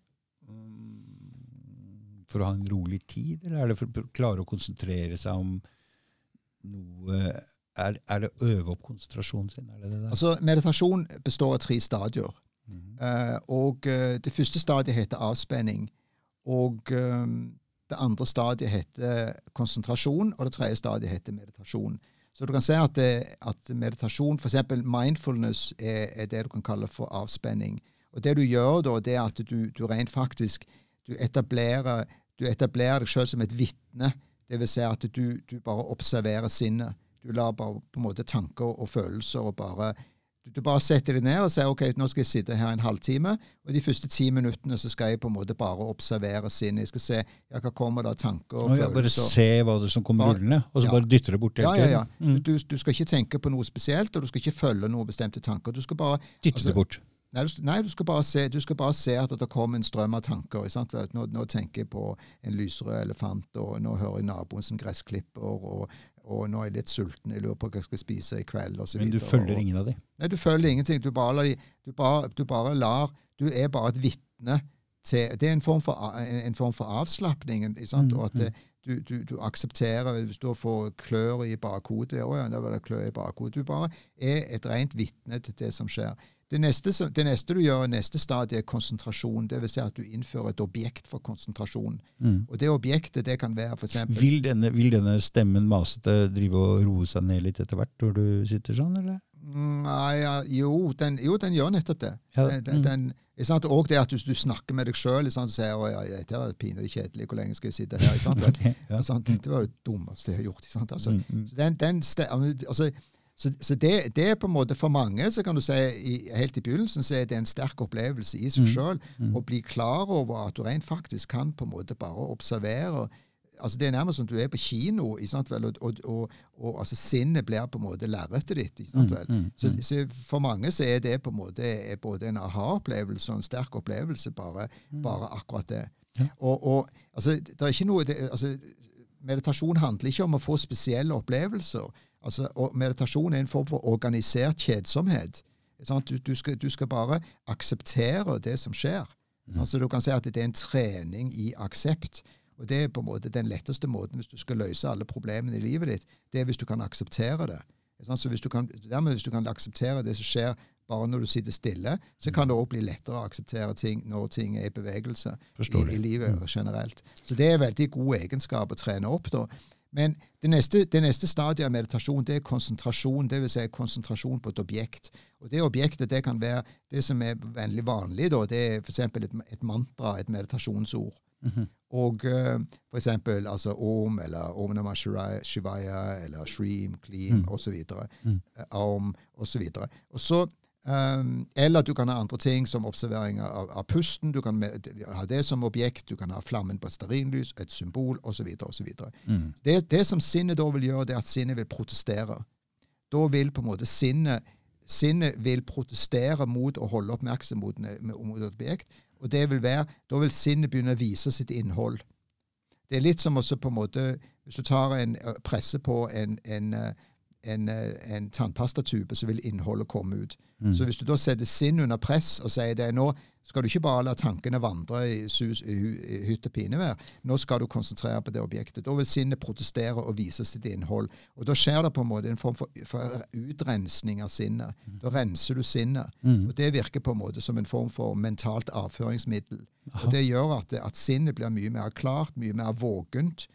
Uh, og når du da liksom er ferdig å meditere, så, så er på en måte um, altså Da er på en måte plutselig virkeligheten en sterk opplevelse. altså mhm. Fargene blir sterkere, og lydene blir sterkere. Mm. Fordi du har på en måte tatt en pause fra opplevelser. Mm. Ja? Mm. Så på den måten så er meditasjon en form for rensing av sinnet. Mm. Men fortsatt så er det ikke egentlig meditasjon. Den egentlige meditasjonen, det er det, det, er det siste trinnet. Og mm. det er, det er at bevisstheten hviler i seg sjøl. Det vil si hvis, at du spør spørsmålet, eller reflekterer over spørsmålet 'Hvem er jeg?' Aha. Så det vil si, men, men du kan ikke oppleve deg sjøl. Du kan kun være deg sjøl.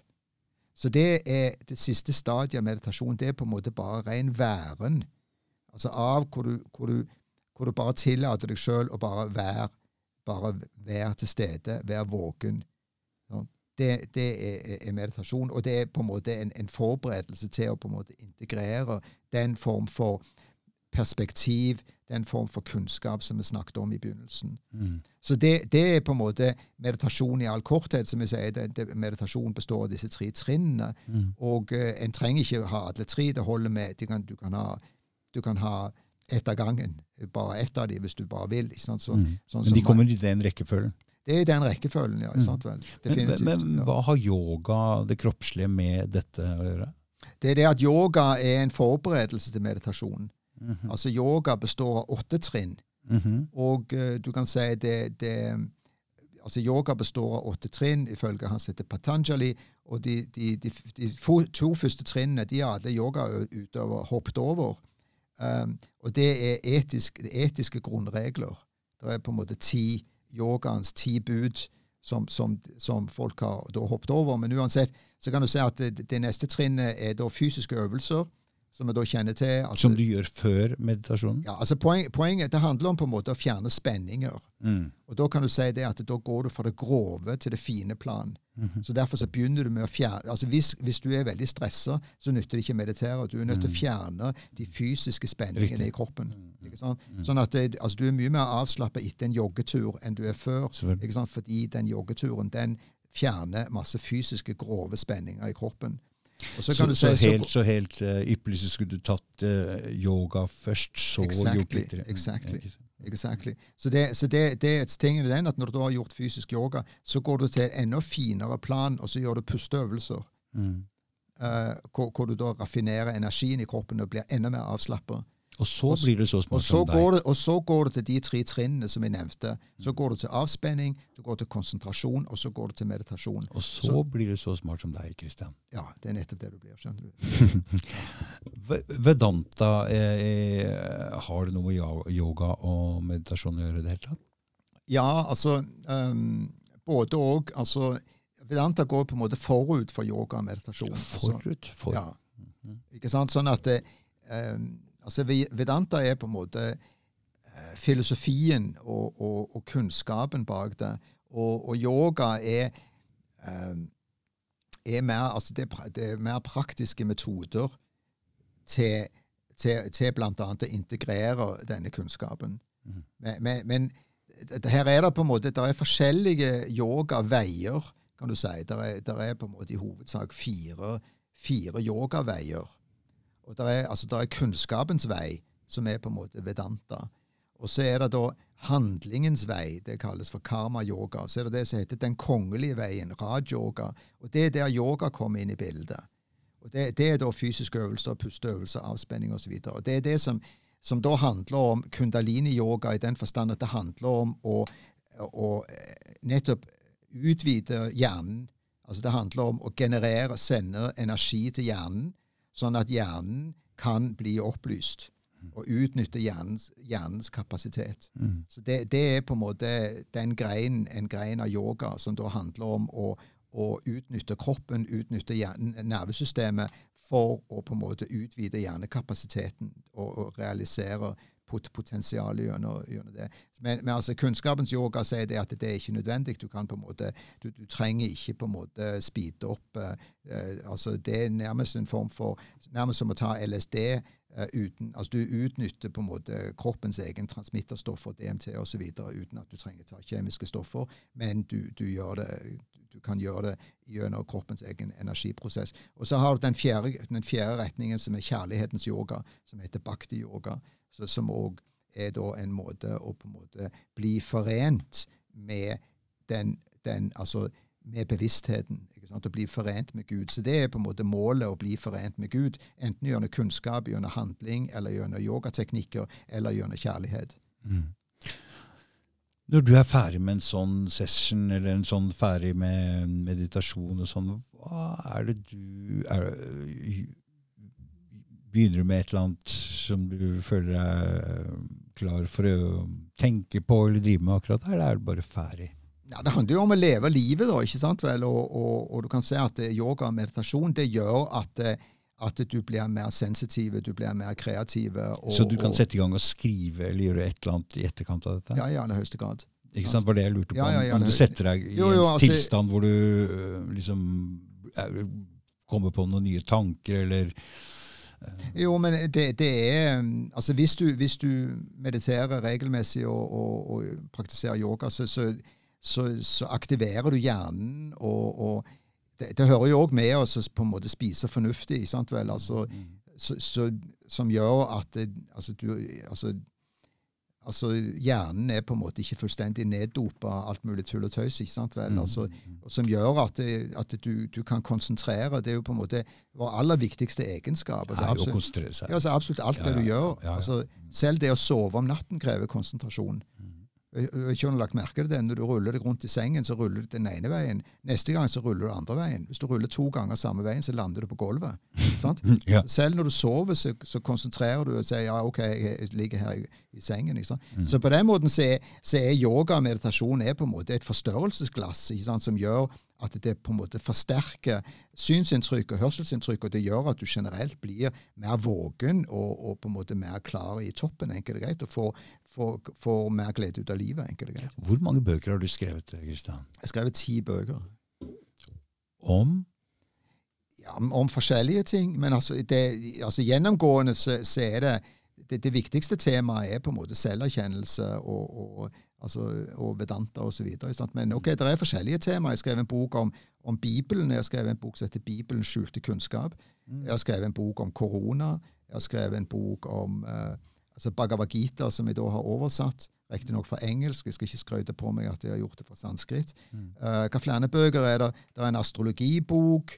Um, og så er det uh, Livsreisen er det en bok som heter. Hvem er jeg? er det en bok som heter. Så, så, så har jeg skrevet en kostholdsbok. Um, mat som medisin har jeg skrevet en bok om. Ja. Så, og jeg har skrevet en bok om meditasjon. Det er på en måte hoved, eh, hovedverket. Det er den meditasjonsboken, rent faktisk. Mm. Så jeg har et eget forlag som heter Ida og Pingala. Mm. Så, så akkurat nå så har jeg rent faktisk bare fire bøker i salg. Og det er den meditasjonsboken, og så er det Bhagavad Gita. Eh, og så er det Mat som medisin, og så er det Jorden er flat. Eh, Men det er de fire bøkene. De andre, men bare bare, bare for, for å fullføre akkurat det. Alle de andre bøkene er gratis tilgjengelig på min blogg uh, som, som e-bok. Så hvis okay. noen har lyst på den astrologiboken, eller folk har lyst på den koronaboken, så er de utsolgt nå. Men bøkene er fortsatt gratis tilgjengelig på min blogg og kan lastes ned som e-bok. Men den skjulte Bibelens skjulte kunnskap. Den, er den tilgjengelig? Eh, den, er, den er gratis tilgjengelig på, på min. Og der, der lurer jeg på, altså Når høsten kommer og det begynner å bli litt innevær, så har jeg tenkt å komme, så har jeg tenkt å lage en ny utgivelse av den. Mm. For det er mye eh, kunnskap i Bibelen. Ja, i aller høyeste grad. Og, og, og jeg mener jo da at denne Vedanta-kunnskapen den den, den er til stede definitivt i Bibelen. Mm. Og, og altså, dette er på en måte en universell kunnskap, men den er liksom litt mer skjult, og, og du må på en måte knekke kodene i, i, i Bibelen som, eh, som gjør at Bibelen plutselig blir en veldig meningsfull, eh, meningsfull bok av mange av de temaene som blir tatt opp i Bibelen. Mm. Du må ha litt av en selvtillit, Kristian. Du sto på Mensa-klubben i Stavanger og holdt foredrag om flat jord. Ja, Det er Det syns jeg det, det Det skal du ha. jo jo, men altså, hva hjelper det å være intelligent hvis man ikke er riktig klok? Altså, Nei. Det er tøft gjort. Jo, nei, det er liksom ja. de smarteste folka i Stavanger du inviterte, da. Ja, det er i Norge. Ja, I Norge. Norge, ja. Ja, Smarteste folka i Norge, ja. ja, det var jo Kom, ja, ja, kom var hit, smarteste folka i Norge. Få noe 130 stykker. Ja, sant? men, men de hadde ikke noe Jeg satt jo og så på det der. Ja, ja. Nei, de, de oppførte seg høflig, ikke sant? vel? Ja, ja, Altså, høflig, ja, og, og, og kom med litt innvendinger vel? men de var jo like Ja, for de visste jo hva de skulle til. Jo, jo, men de var jo like programmerte og hjernevasket som alle de andre. ikke sant vel? Altså, det, det, det, var ikke, det, var, det er jo mye vanskeligere å overbevise intelligente folk enn enn folk som ikke har altså Ja, folk som ikke har på en måte for mange klart. forutinntatte meninger. Mm. Og, og jo mer intelligente du er, jo mer motforestillinger klarer du å lage. Mm. Og jo mer absurde motforestillinger klarer du å lage. Så, det, så, det, så de, de, det taler ikke til deres fordel i det hele tatt å være intelligent i den sammenhengen. Nei, kanskje du skal invitere de Fins det noe motsatte av uh, Mensa? mensa. det må jo være et politisk parti, det. ja, det må det være. Ja, Politikerne på Stortinget. ja for eksempel. For eksempel. Ja. Du sa du var politiker da du var ung? Jeg Prøvde på Jeg var ikke politiker. Nei, men politi- Nei, altså, jeg vokste jo opp altså når jeg gikk på universitetet, så var jo Norge i en, en, en psykotisk tilstand. Å? Uh, ja, ja, ja. ja. Altså, det, da, da var det jo sånn før revolusjonær tid på universitetet. Du trodde jo EU, EU, EU. Nei, nei, nei. nei. Altså, det var jo den gangen hvor AKP-ML, eh, Arbeidernes kommunistparti, marxist-leninistene, eh, dominerte, og marxisme dominerte Å, ja. fullstendig Mm. høyere læresteder overalt, altså høyskoler og universiteter. Ja. Så når du, når, du, når du kom inn der, så trodde du gikk du inn i en krigssone Mm. med, med liksom plakater og, og banner og alt mulig. Mm. Så det var jo et enormt hva skal du si, politisk klima på, på universiteter og høyskoler. Var det under Vietnam? Det ja, det var, i, det var blant annet med Vietnam, altså under Vietnamkrigen. Altså, du hadde jo 68 på en måte opprøret, Mm, 68 mm, generasjoner mm, osv. Men den, og dønningene etter det det holdt seg langt inn i på midten av 75-70-tallet. Mm. Det var først, okay, det var først liksom rundt uh, 79-80 at det på en måte dabbet av. Men, Altså, men, når, men det var jo et en bra ting at de var mot Vietnamkrigen og mot krig. Det var jo bra.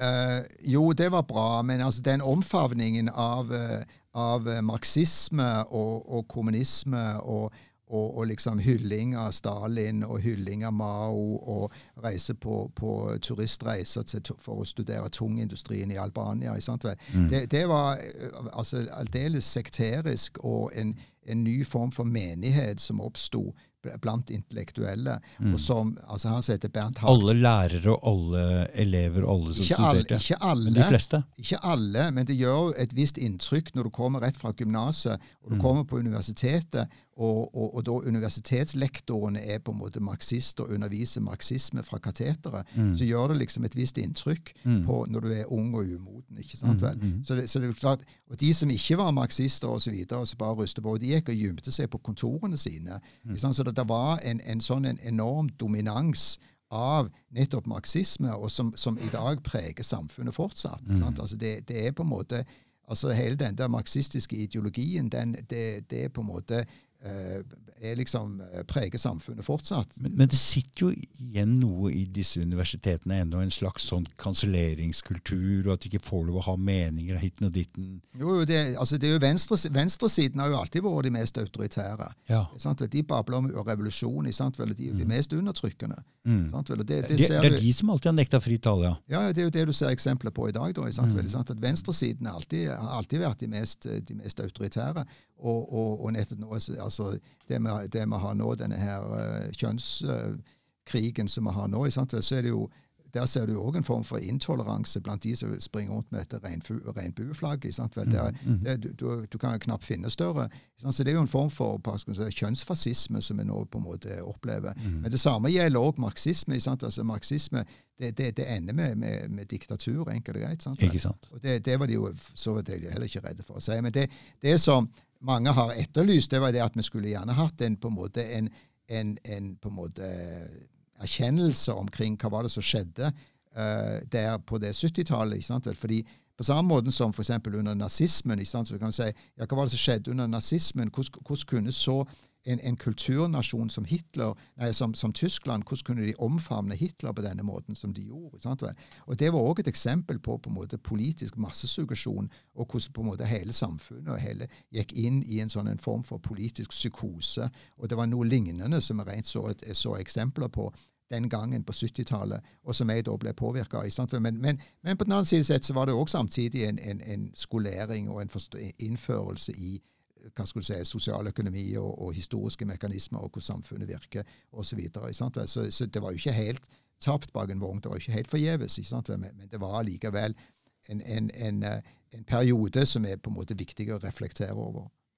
Men det er jo en veldig rar periode nå også? Absolutt. Jo, jo, det, det, jo, jo absolutt. Vi er absolutt i en rar periode. Ingen tvil om det. Altså, ja. Men det er kjønnsgreiene og at det ikke er lov å si, masse ting det ikke er lov å si, og en slags sånn tvangskultur. Det er mange ting du må si, og det er ting du ikke kan si. Er det noe altså, av det samme? Eller? Altså, jeg tror, av jeg samme? tror samfunnet er inne i en dødsprosess. Altså, jeg tror Dødsprosess? At, ja, definitivt. Altså, Sivilisasjoner blir ikke så gamle som jeg tror. Altså Sivilisasjoner blir ikke mer enn 200 eller 300 år gamle. Nei, og, bank, Og det- bank, banksystemet er egentlig på vei ned.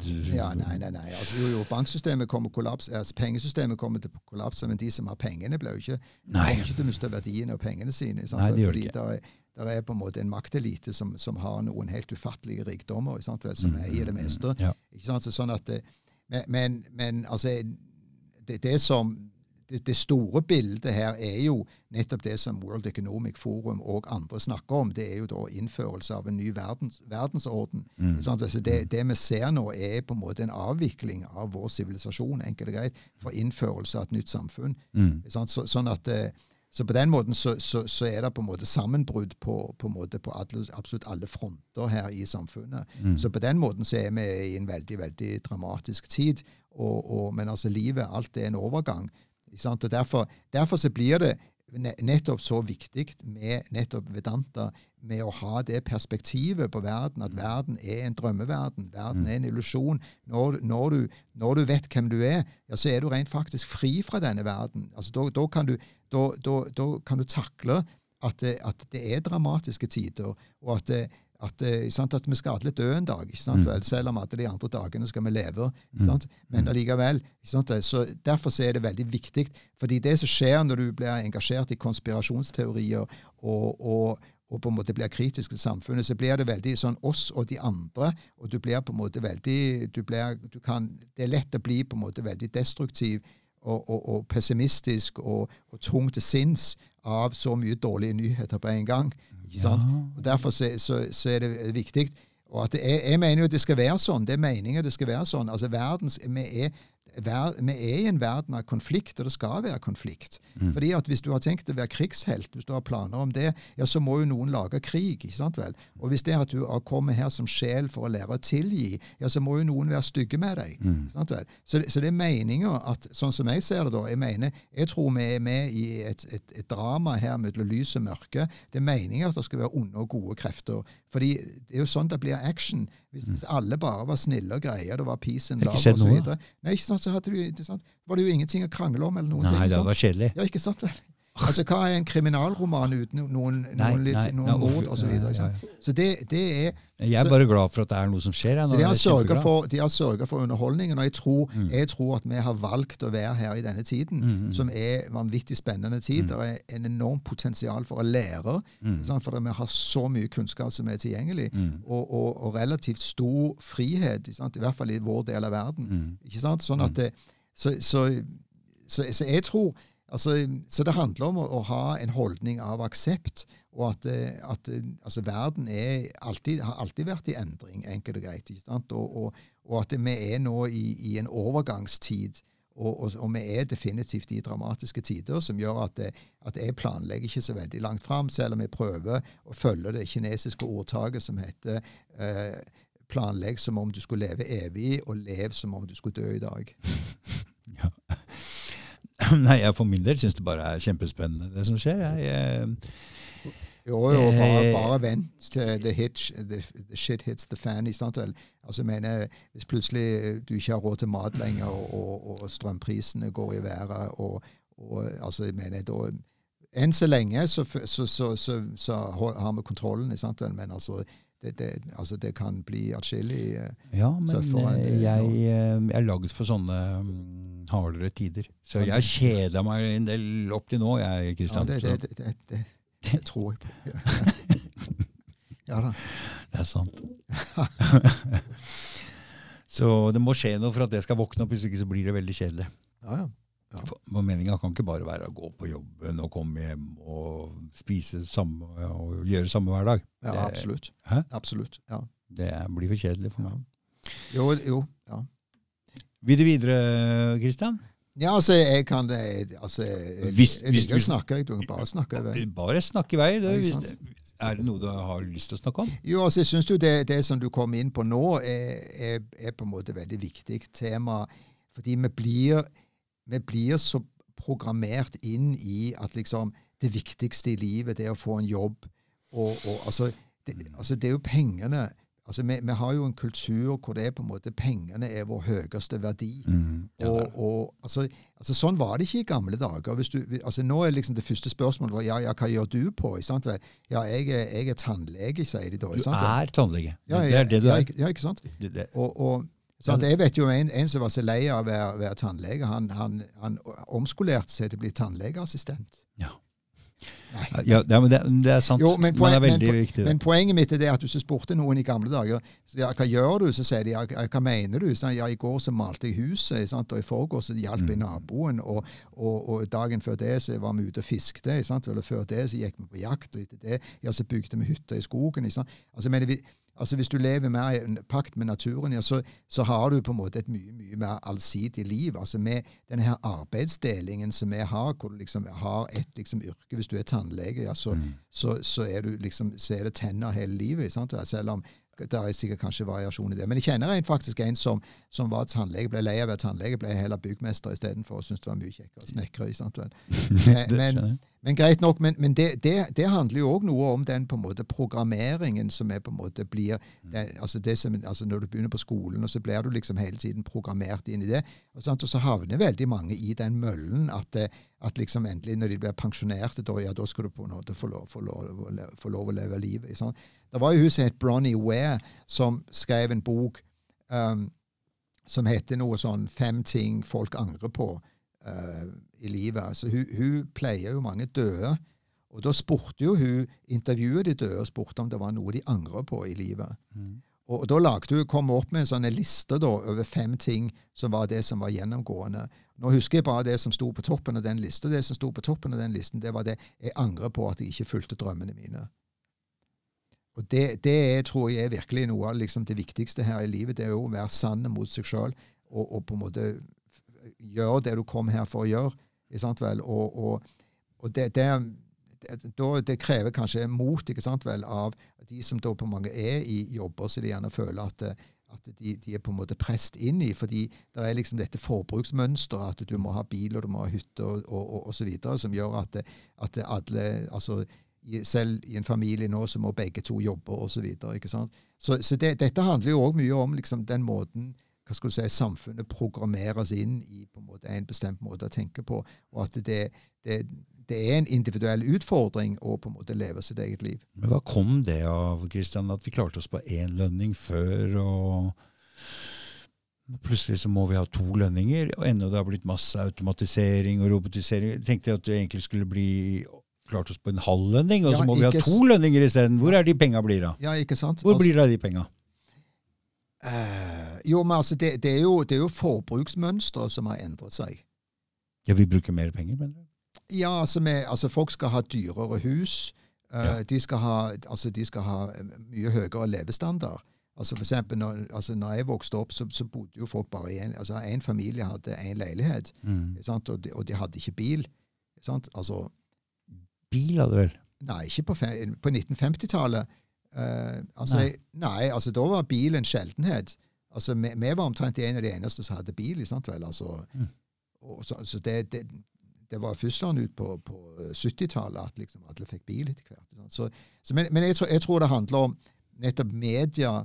Altså media uh, og, og såkalt tenketanker osv. Så de, de, de, de klarer å styre på en måte trendene. altså de, de, klarer å styre det økonomiske systemet. og altså Kvinnefrigjøring det, det, det, var jo da på en måte både planta og planlagt. altså det, det, var styrt for å få kvinnene ut i arbeid. Skattlegge. Ja, for å få dobbelt så mange skattebetalere. Mm. Og, og, da visste de òg at dette endte jo da med en drøss med skilsmisser, som gjorde at du da plutselig fikk dobbelt så mange forbrukere. Så det var jo òg en måte å på en måte få den på en måte karusellen, forbrukskarusellen til å gå mye mye fortere. Helt klart. Skapt masse andre problemer. Så Det er jo veldig upopulært å si for de som er på en måte for kvinnefrigjøring osv. Jeg er absolutt for likestilling mellom kjønn osv., men den, den frigjøringskampen den, den kom skjevt utover hoppkanten og ble på en måte uh, den ble på en måte kidnappa eller planlagt rent faktisk av krefter som ikke hadde og Den er enda skeivere nå, når det er menn som sier de er damer. Fyker inn på dametoalettet og Ja, Det er jo helt hinsides. Ja, ikke sant? Det er, hæ? Jo, jo, men, det, men det, det, er jo òg Det er igjen en form for um, altså det, det snakket vi òg om litt før altså Det er jo på en måte et hån mot sunn fornuft. ikke sant vel? Altså mm. Når du da kommer opp og sier det at det er en mann som føler seg som en kvinne, han er en kvinne altså sant? Altså det, det, altså Ethvert tenkende menneske kan ikke akseptere en sånn form for logikk. ikke sant vel? Altså, uh, men det, det, det risikerer du snart å komme i fengsel for å si. ikke sant vel? Det, er helt Altså det, det, er jo så absurd at, eh, at Drar de alle altså, ting helt ut i, uh, ut i, det absurde, sånn at ja, vi skal altså en for, komme en motvekt mot det? Ja, men det er, en, det er, en, form for, det er en form for satanisme. Det er en form for måte å ødelegge tenkningen på, på samme måte som når Joe Biden er president i USA. Sant, vel, at her har du liksom verdens ledende supermakt. Ikke sant, vel, så, har du, så kan fyren kan ikke knytte skoene sine engang. Altså det, det, er jo et hån mot, mot oss da, vel, ved, ved, at, eh, at det, altså det handler om, altså Satanisme handler om å snu alt på hodet. Det, det er egentlig, Vi lever i en verden hvor på en måte alle, mm. alt det som vi holder for sant, det, det er feil. Altså, alt er snudd på hodet. Alt er reversert. Jeg er helt enig med deg. Alt er snudd på. Skjer, det som skjer nå med kjønn nå, det er også det at det skal fullstendig reverseres. At, eh, så, så, så, det er en form for psykologisk krigføring som mm. utsettes for, bl.a. gjennom dette her pride-greiene. hele det greiene der. Men når det blir for vilt, så må det komme en motbølge mot det her? Altså, motbølgen er at dette er, altså, vår sivilisasjon er i kollaps, enkelt og greit. Altså, alt er, altså infertilitet eh, mm. altså, altså, Infertilitet er jo på en måte voksende. Altså, det er jo sånn 30-40% snart.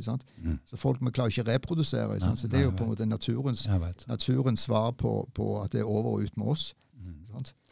Du, jeg bare lurte på når de Så du noe fly som fløy inn i de tårna? Du? I hvert fall sitter på film. Yes. ja, jeg, jeg Tror du det var fly? Nei. Det tror ikke jeg heller. nei. Tror det var en missil som var kledd ut som et fly. I hvert fall ikke fly, men, men det drev også folk og krangla veldig om. husker jeg, Var det fly eller ikke fly? Det var bare noen få som trodde at det ikke var fly. husker jeg. Jo, jo, men altså, altså, altså 9-11 da, er jo, det er jo, det er jo en, en den veien inn mange Det er jo en døråpner for konspirasjonenes Mm, verden mm, de luxe, ikke sant? mm. Så, så, så det er jo absolutt et veldig veldig viktig fenomen, og, og det, det er en god begynnelse. enkelt og Mm, greit, og mm. Hvis du kan forklare hvordan tre, skry, tre, tre, altså tre på norsk, tre skyskrapere kan gå i bakken ved å bli truffet av to fly, så, så, så er du flink å forklare. Altså? Mm. Så, så, så det er jo helt åpenbart at det var en, en altså kontrollert nedriving, og at Mm. det var en sabotasje som, som var så Da starta det en stor oppvåkning på nettet. Ja, ja, definitivt. Samme, det- samme som nå under Jo, men det, men det tror jeg definitivt òg er meninga. Det, Det er meninga? Altså, ja, altså, det er Mm. meninga at det, var jo lagd så dårlig at det, det var jo meninga at vi skal gjennomskue det. der, Ikke sant? sant? Det, altså, det er jo meninga at vi, vi altså, det, det er òg meninga at folk skal protestere mot dette. her, ikke sant? Og folk da begynner å gå i gaten og, og protestere mot ja, da har de da et grunnlag for å, å slå ned den opposisjonen. Ikke? Så, så, så, ånde, så sånne som oss er jo på en måte bare nyttige idioter. Det var det jeg Og- tenkte, jeg også. Aldri vært så mye folk ute i gatene under covid heller. Jeg tenkte det er meninga med hele greia. Jo, sant? Altså, men, men altså, altså makthaverne har så mye makt at de, de, de, de er på en måte ikke så redde for å skjule, og de er ikke så redde for å på en måte bli gjennomskuet. sant? Altså, så fordi folk er så fragmenterte, og, og det er så vanskelig å på en måte mobilisere en, en felles front og en felles forståelse her. sant? Så, så vi er på en måte en, en saueflokk av folk som bare springer i alle forskjellige retninger. Med masse innbyrdes Hva er, det, hva er det bak isen? Hvilken is? Den, den tjukke, høye isen. Hvilken høy is? Syd, sydis, syd Og Antarktis? Antarktis. Og hva, som er, hva som er utenfor Antarktis? Ja. Jo, altså Der er det jo da store landområder som vi ikke har tilgang til. Oh. Det er jo forbudt å reise til Antarktis. ja, det veit jeg. Ja, sant? Jeg hadde jo en dame her som prøvde å dra dit. Det var veldig vanskelig. Ja, ikke sant? Du kan reise på cruisetur, men, men, men det, det, det er jo ganske utrolig, for de reiser ikke forbi Altså, de, de kommer ikke forbi 60 grader øh, Vent litt. De kommer ikke forbi 68 grader, tror jeg det. det er så, de kommer ikke så langt til der som det skulle være midnattssol. Mm. Så du skulle tro at det de ville reklamere med på sånne turistattraksjonsturer, det er det Kom til Antarktis og opplev midnattssolen. Mhm. Men tingen, dette er ikke midnattssol i Antarktis. Og hvis, det ikke er midnattssol i Antarktis, så har du et problem med denne her kulemodellen. Hvor, hvor mange mennesker er det som er inne på denne? Ja, altså, jeg, jeg tror definitivt at det er en, en ja, Inne på hva da? Og vet om dette? Jo, altså, altså det er, Sånn som jeg ser det, da, så er det, så befinner, så er det en maktpyramide. Og uh, det er på en måte høyere sjikt av denne pyramiden. I hvert eneste land. Ja, ja. Mm. Altså det, den, denne maktpyramiden er overnasjonal. Mm. Så den styrer alle land. Så det er på en måte ett én maktelite som på en måte styrer hele verden. enkelt og greit. Og Mm. Den er veldig veldig godt organisert. Og uh, på, på de høyere nivåene her så, så, så, må det, så er de fullstendig innforstått med dette her. Som eksempel FN sin logo. Det er jo rent faktisk en flat jord. Ja, ja. Når du ser bilder inne fra FN-lokalene, ja, så, er det, så det svære bilder på veggen av en flat jord. Så, så de, men, men så, så det er utvilsomt òg f.eks. Altså NASA-dokumenter og CIA-dokumenter skriver entydig at jorden er et flatt, stasjonært plan osv. Så, videre. så det, det er mange som vet om dette. Definitivt. Mm. Og, og, og, men altså, det, det har konsekvenser hvis de, de går ut og begynner å fortelle. Jeg nytter ikke det nå. Mm? Jeg nytter ikke det nå. Si noe om det. Nei, men se- selv, selv eh, Er, er vi et lukka, er et lukka system? Ja, altså, det, altså Du kan se en saueflokk må ha vakthunder for å passe på seg. Men det er ikke nødvendig for menneskene, for de, passer på hverandre. Ja, det gjør vi. Sant? Sånn at, eh, jeg mener, Hvis jeg hadde vært ungdomsskolelærer eller journalist eller et eller annet fancy, jeg hadde jo mistet Ja, jobben. jeg, ja, og si ja. Nei, nei, det går ikke. Det går ikke. Det går ikke. det Kan være søppelkjører eller frilansforfatter, det går. Ja, det går. Ak da går det akkurat. Ja, går akkurat. det, Du hadde ikke sagt du kan ikke kjøre søppel lenger. Jorda er flat. Nei, det, det er sant. Passe på sant. hverandre. ja. Um, denne makteliten, den er ikke umulig å gjøre noe med. Jo, ja, jo, altså Kanskje. Jo, altså hvis Det som er en teoretisk mulighet, det er jo det hvis folk forstår løgnene, og hvis folk ikke samarbeider. Mm. Altså, fordi altså, vi er i en situasjon hvor det er kanskje en maktelite på 5000 mennesker som kontrollerer milliarder. Mm. Så, så, så hvis, hvis disse milliardene av mennesker hvis de kunne organisert seg og gjennomskue løgnene og gjennomskue bedraget, så, så vil denne her minoriteten være totalt maktesløse. Hva er de viktigste Hva, hva er det viktigste? løgnene? De viktigste løgnene? Ja, um, ja OK.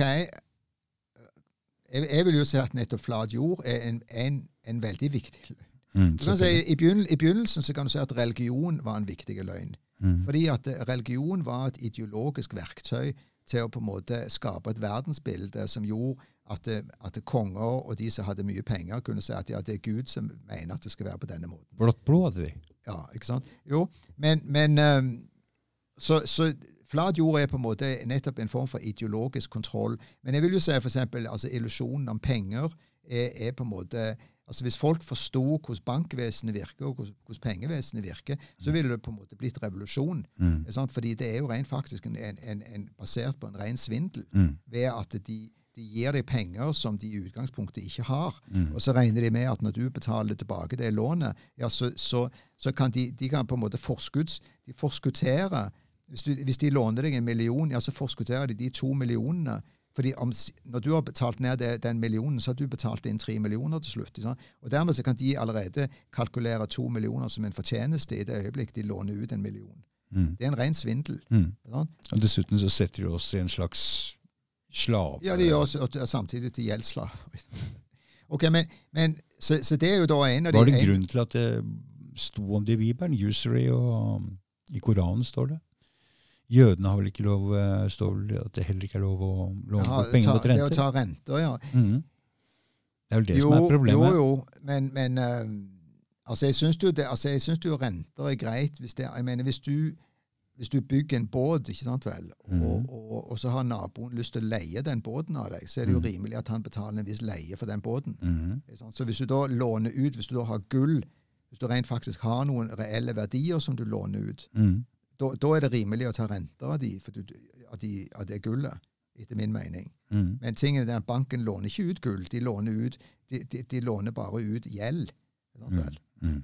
Så, så, det- så det er der på en måte svindelen ligger. Så, så jeg- prinsipielt så er ikke jeg motstander av renter. Jeg syns at, eh, at det er rimelig å ta renter i visse situasjoner. Hvis, du, mm. altså, hvis du låner noe av meg. Så, hvis jeg bygger et hus, og du har lyst til å bo i det huset, så, så syns jeg det er rimelig at du betaler litt husleie. Det Så. er riktig. Så, Så, så, men det, men det, det klart det, altså, det er jo veldig veldig mange løgner, da. Sant? Så det, det er liksom, du, du vet nesten ikke hvor du skal begynne hen. sant? nå ligger jo denne klimagreia veldig fast forankra. De prøver å bygge hele det nye pengesystemet sitt rundt uh, karbon, av alle ting. Jo, det, jo men det er òg et, et, et nytt, middel, det er et Altså, nytt er middel for kontroll. ikke sant? vel? Mm. Altså, så, Karbon som er liv. liv. ja, ja. ja. Nei, galskapen tar ikke. Alt levende er bygd opp av karbon og vann, og så sier vi at karbon er farlig. Ja, ikke sant? Det er ganske godt gjort, syns jeg. Nei, skal vi si at vi er ferdig, Kristian? Jo, jeg føler vi har kommet til et visst eh, metningspunkt. Så, Mm. sant? Så, Hvor skal du videre? du, jeg skal videre til Fredrikstad. Du burde ikke dra. Veldig dårlig by. Ja, men jeg skal være på Hankø. Og det er veldig fint. Ja, ikke sant? Det, det, og huset jeg skal besøke, har boblebad. Så det kan ikke være helt galt. Nei, det er manke og boblebad. Da, da trekker jeg tilbake. Utsikt over det er det. fjorden, og, det og kanskje ha litt champagne i kjøleskapet. oi, Så oi, jeg tror ikke, Oi, oi, oi. jeg går helt feil Nei, da, da, da, da, da gjør du helt riktig. Ikke sant? God tur. Ja, takk for det. Takk for det. Ha det. Ja, ha det.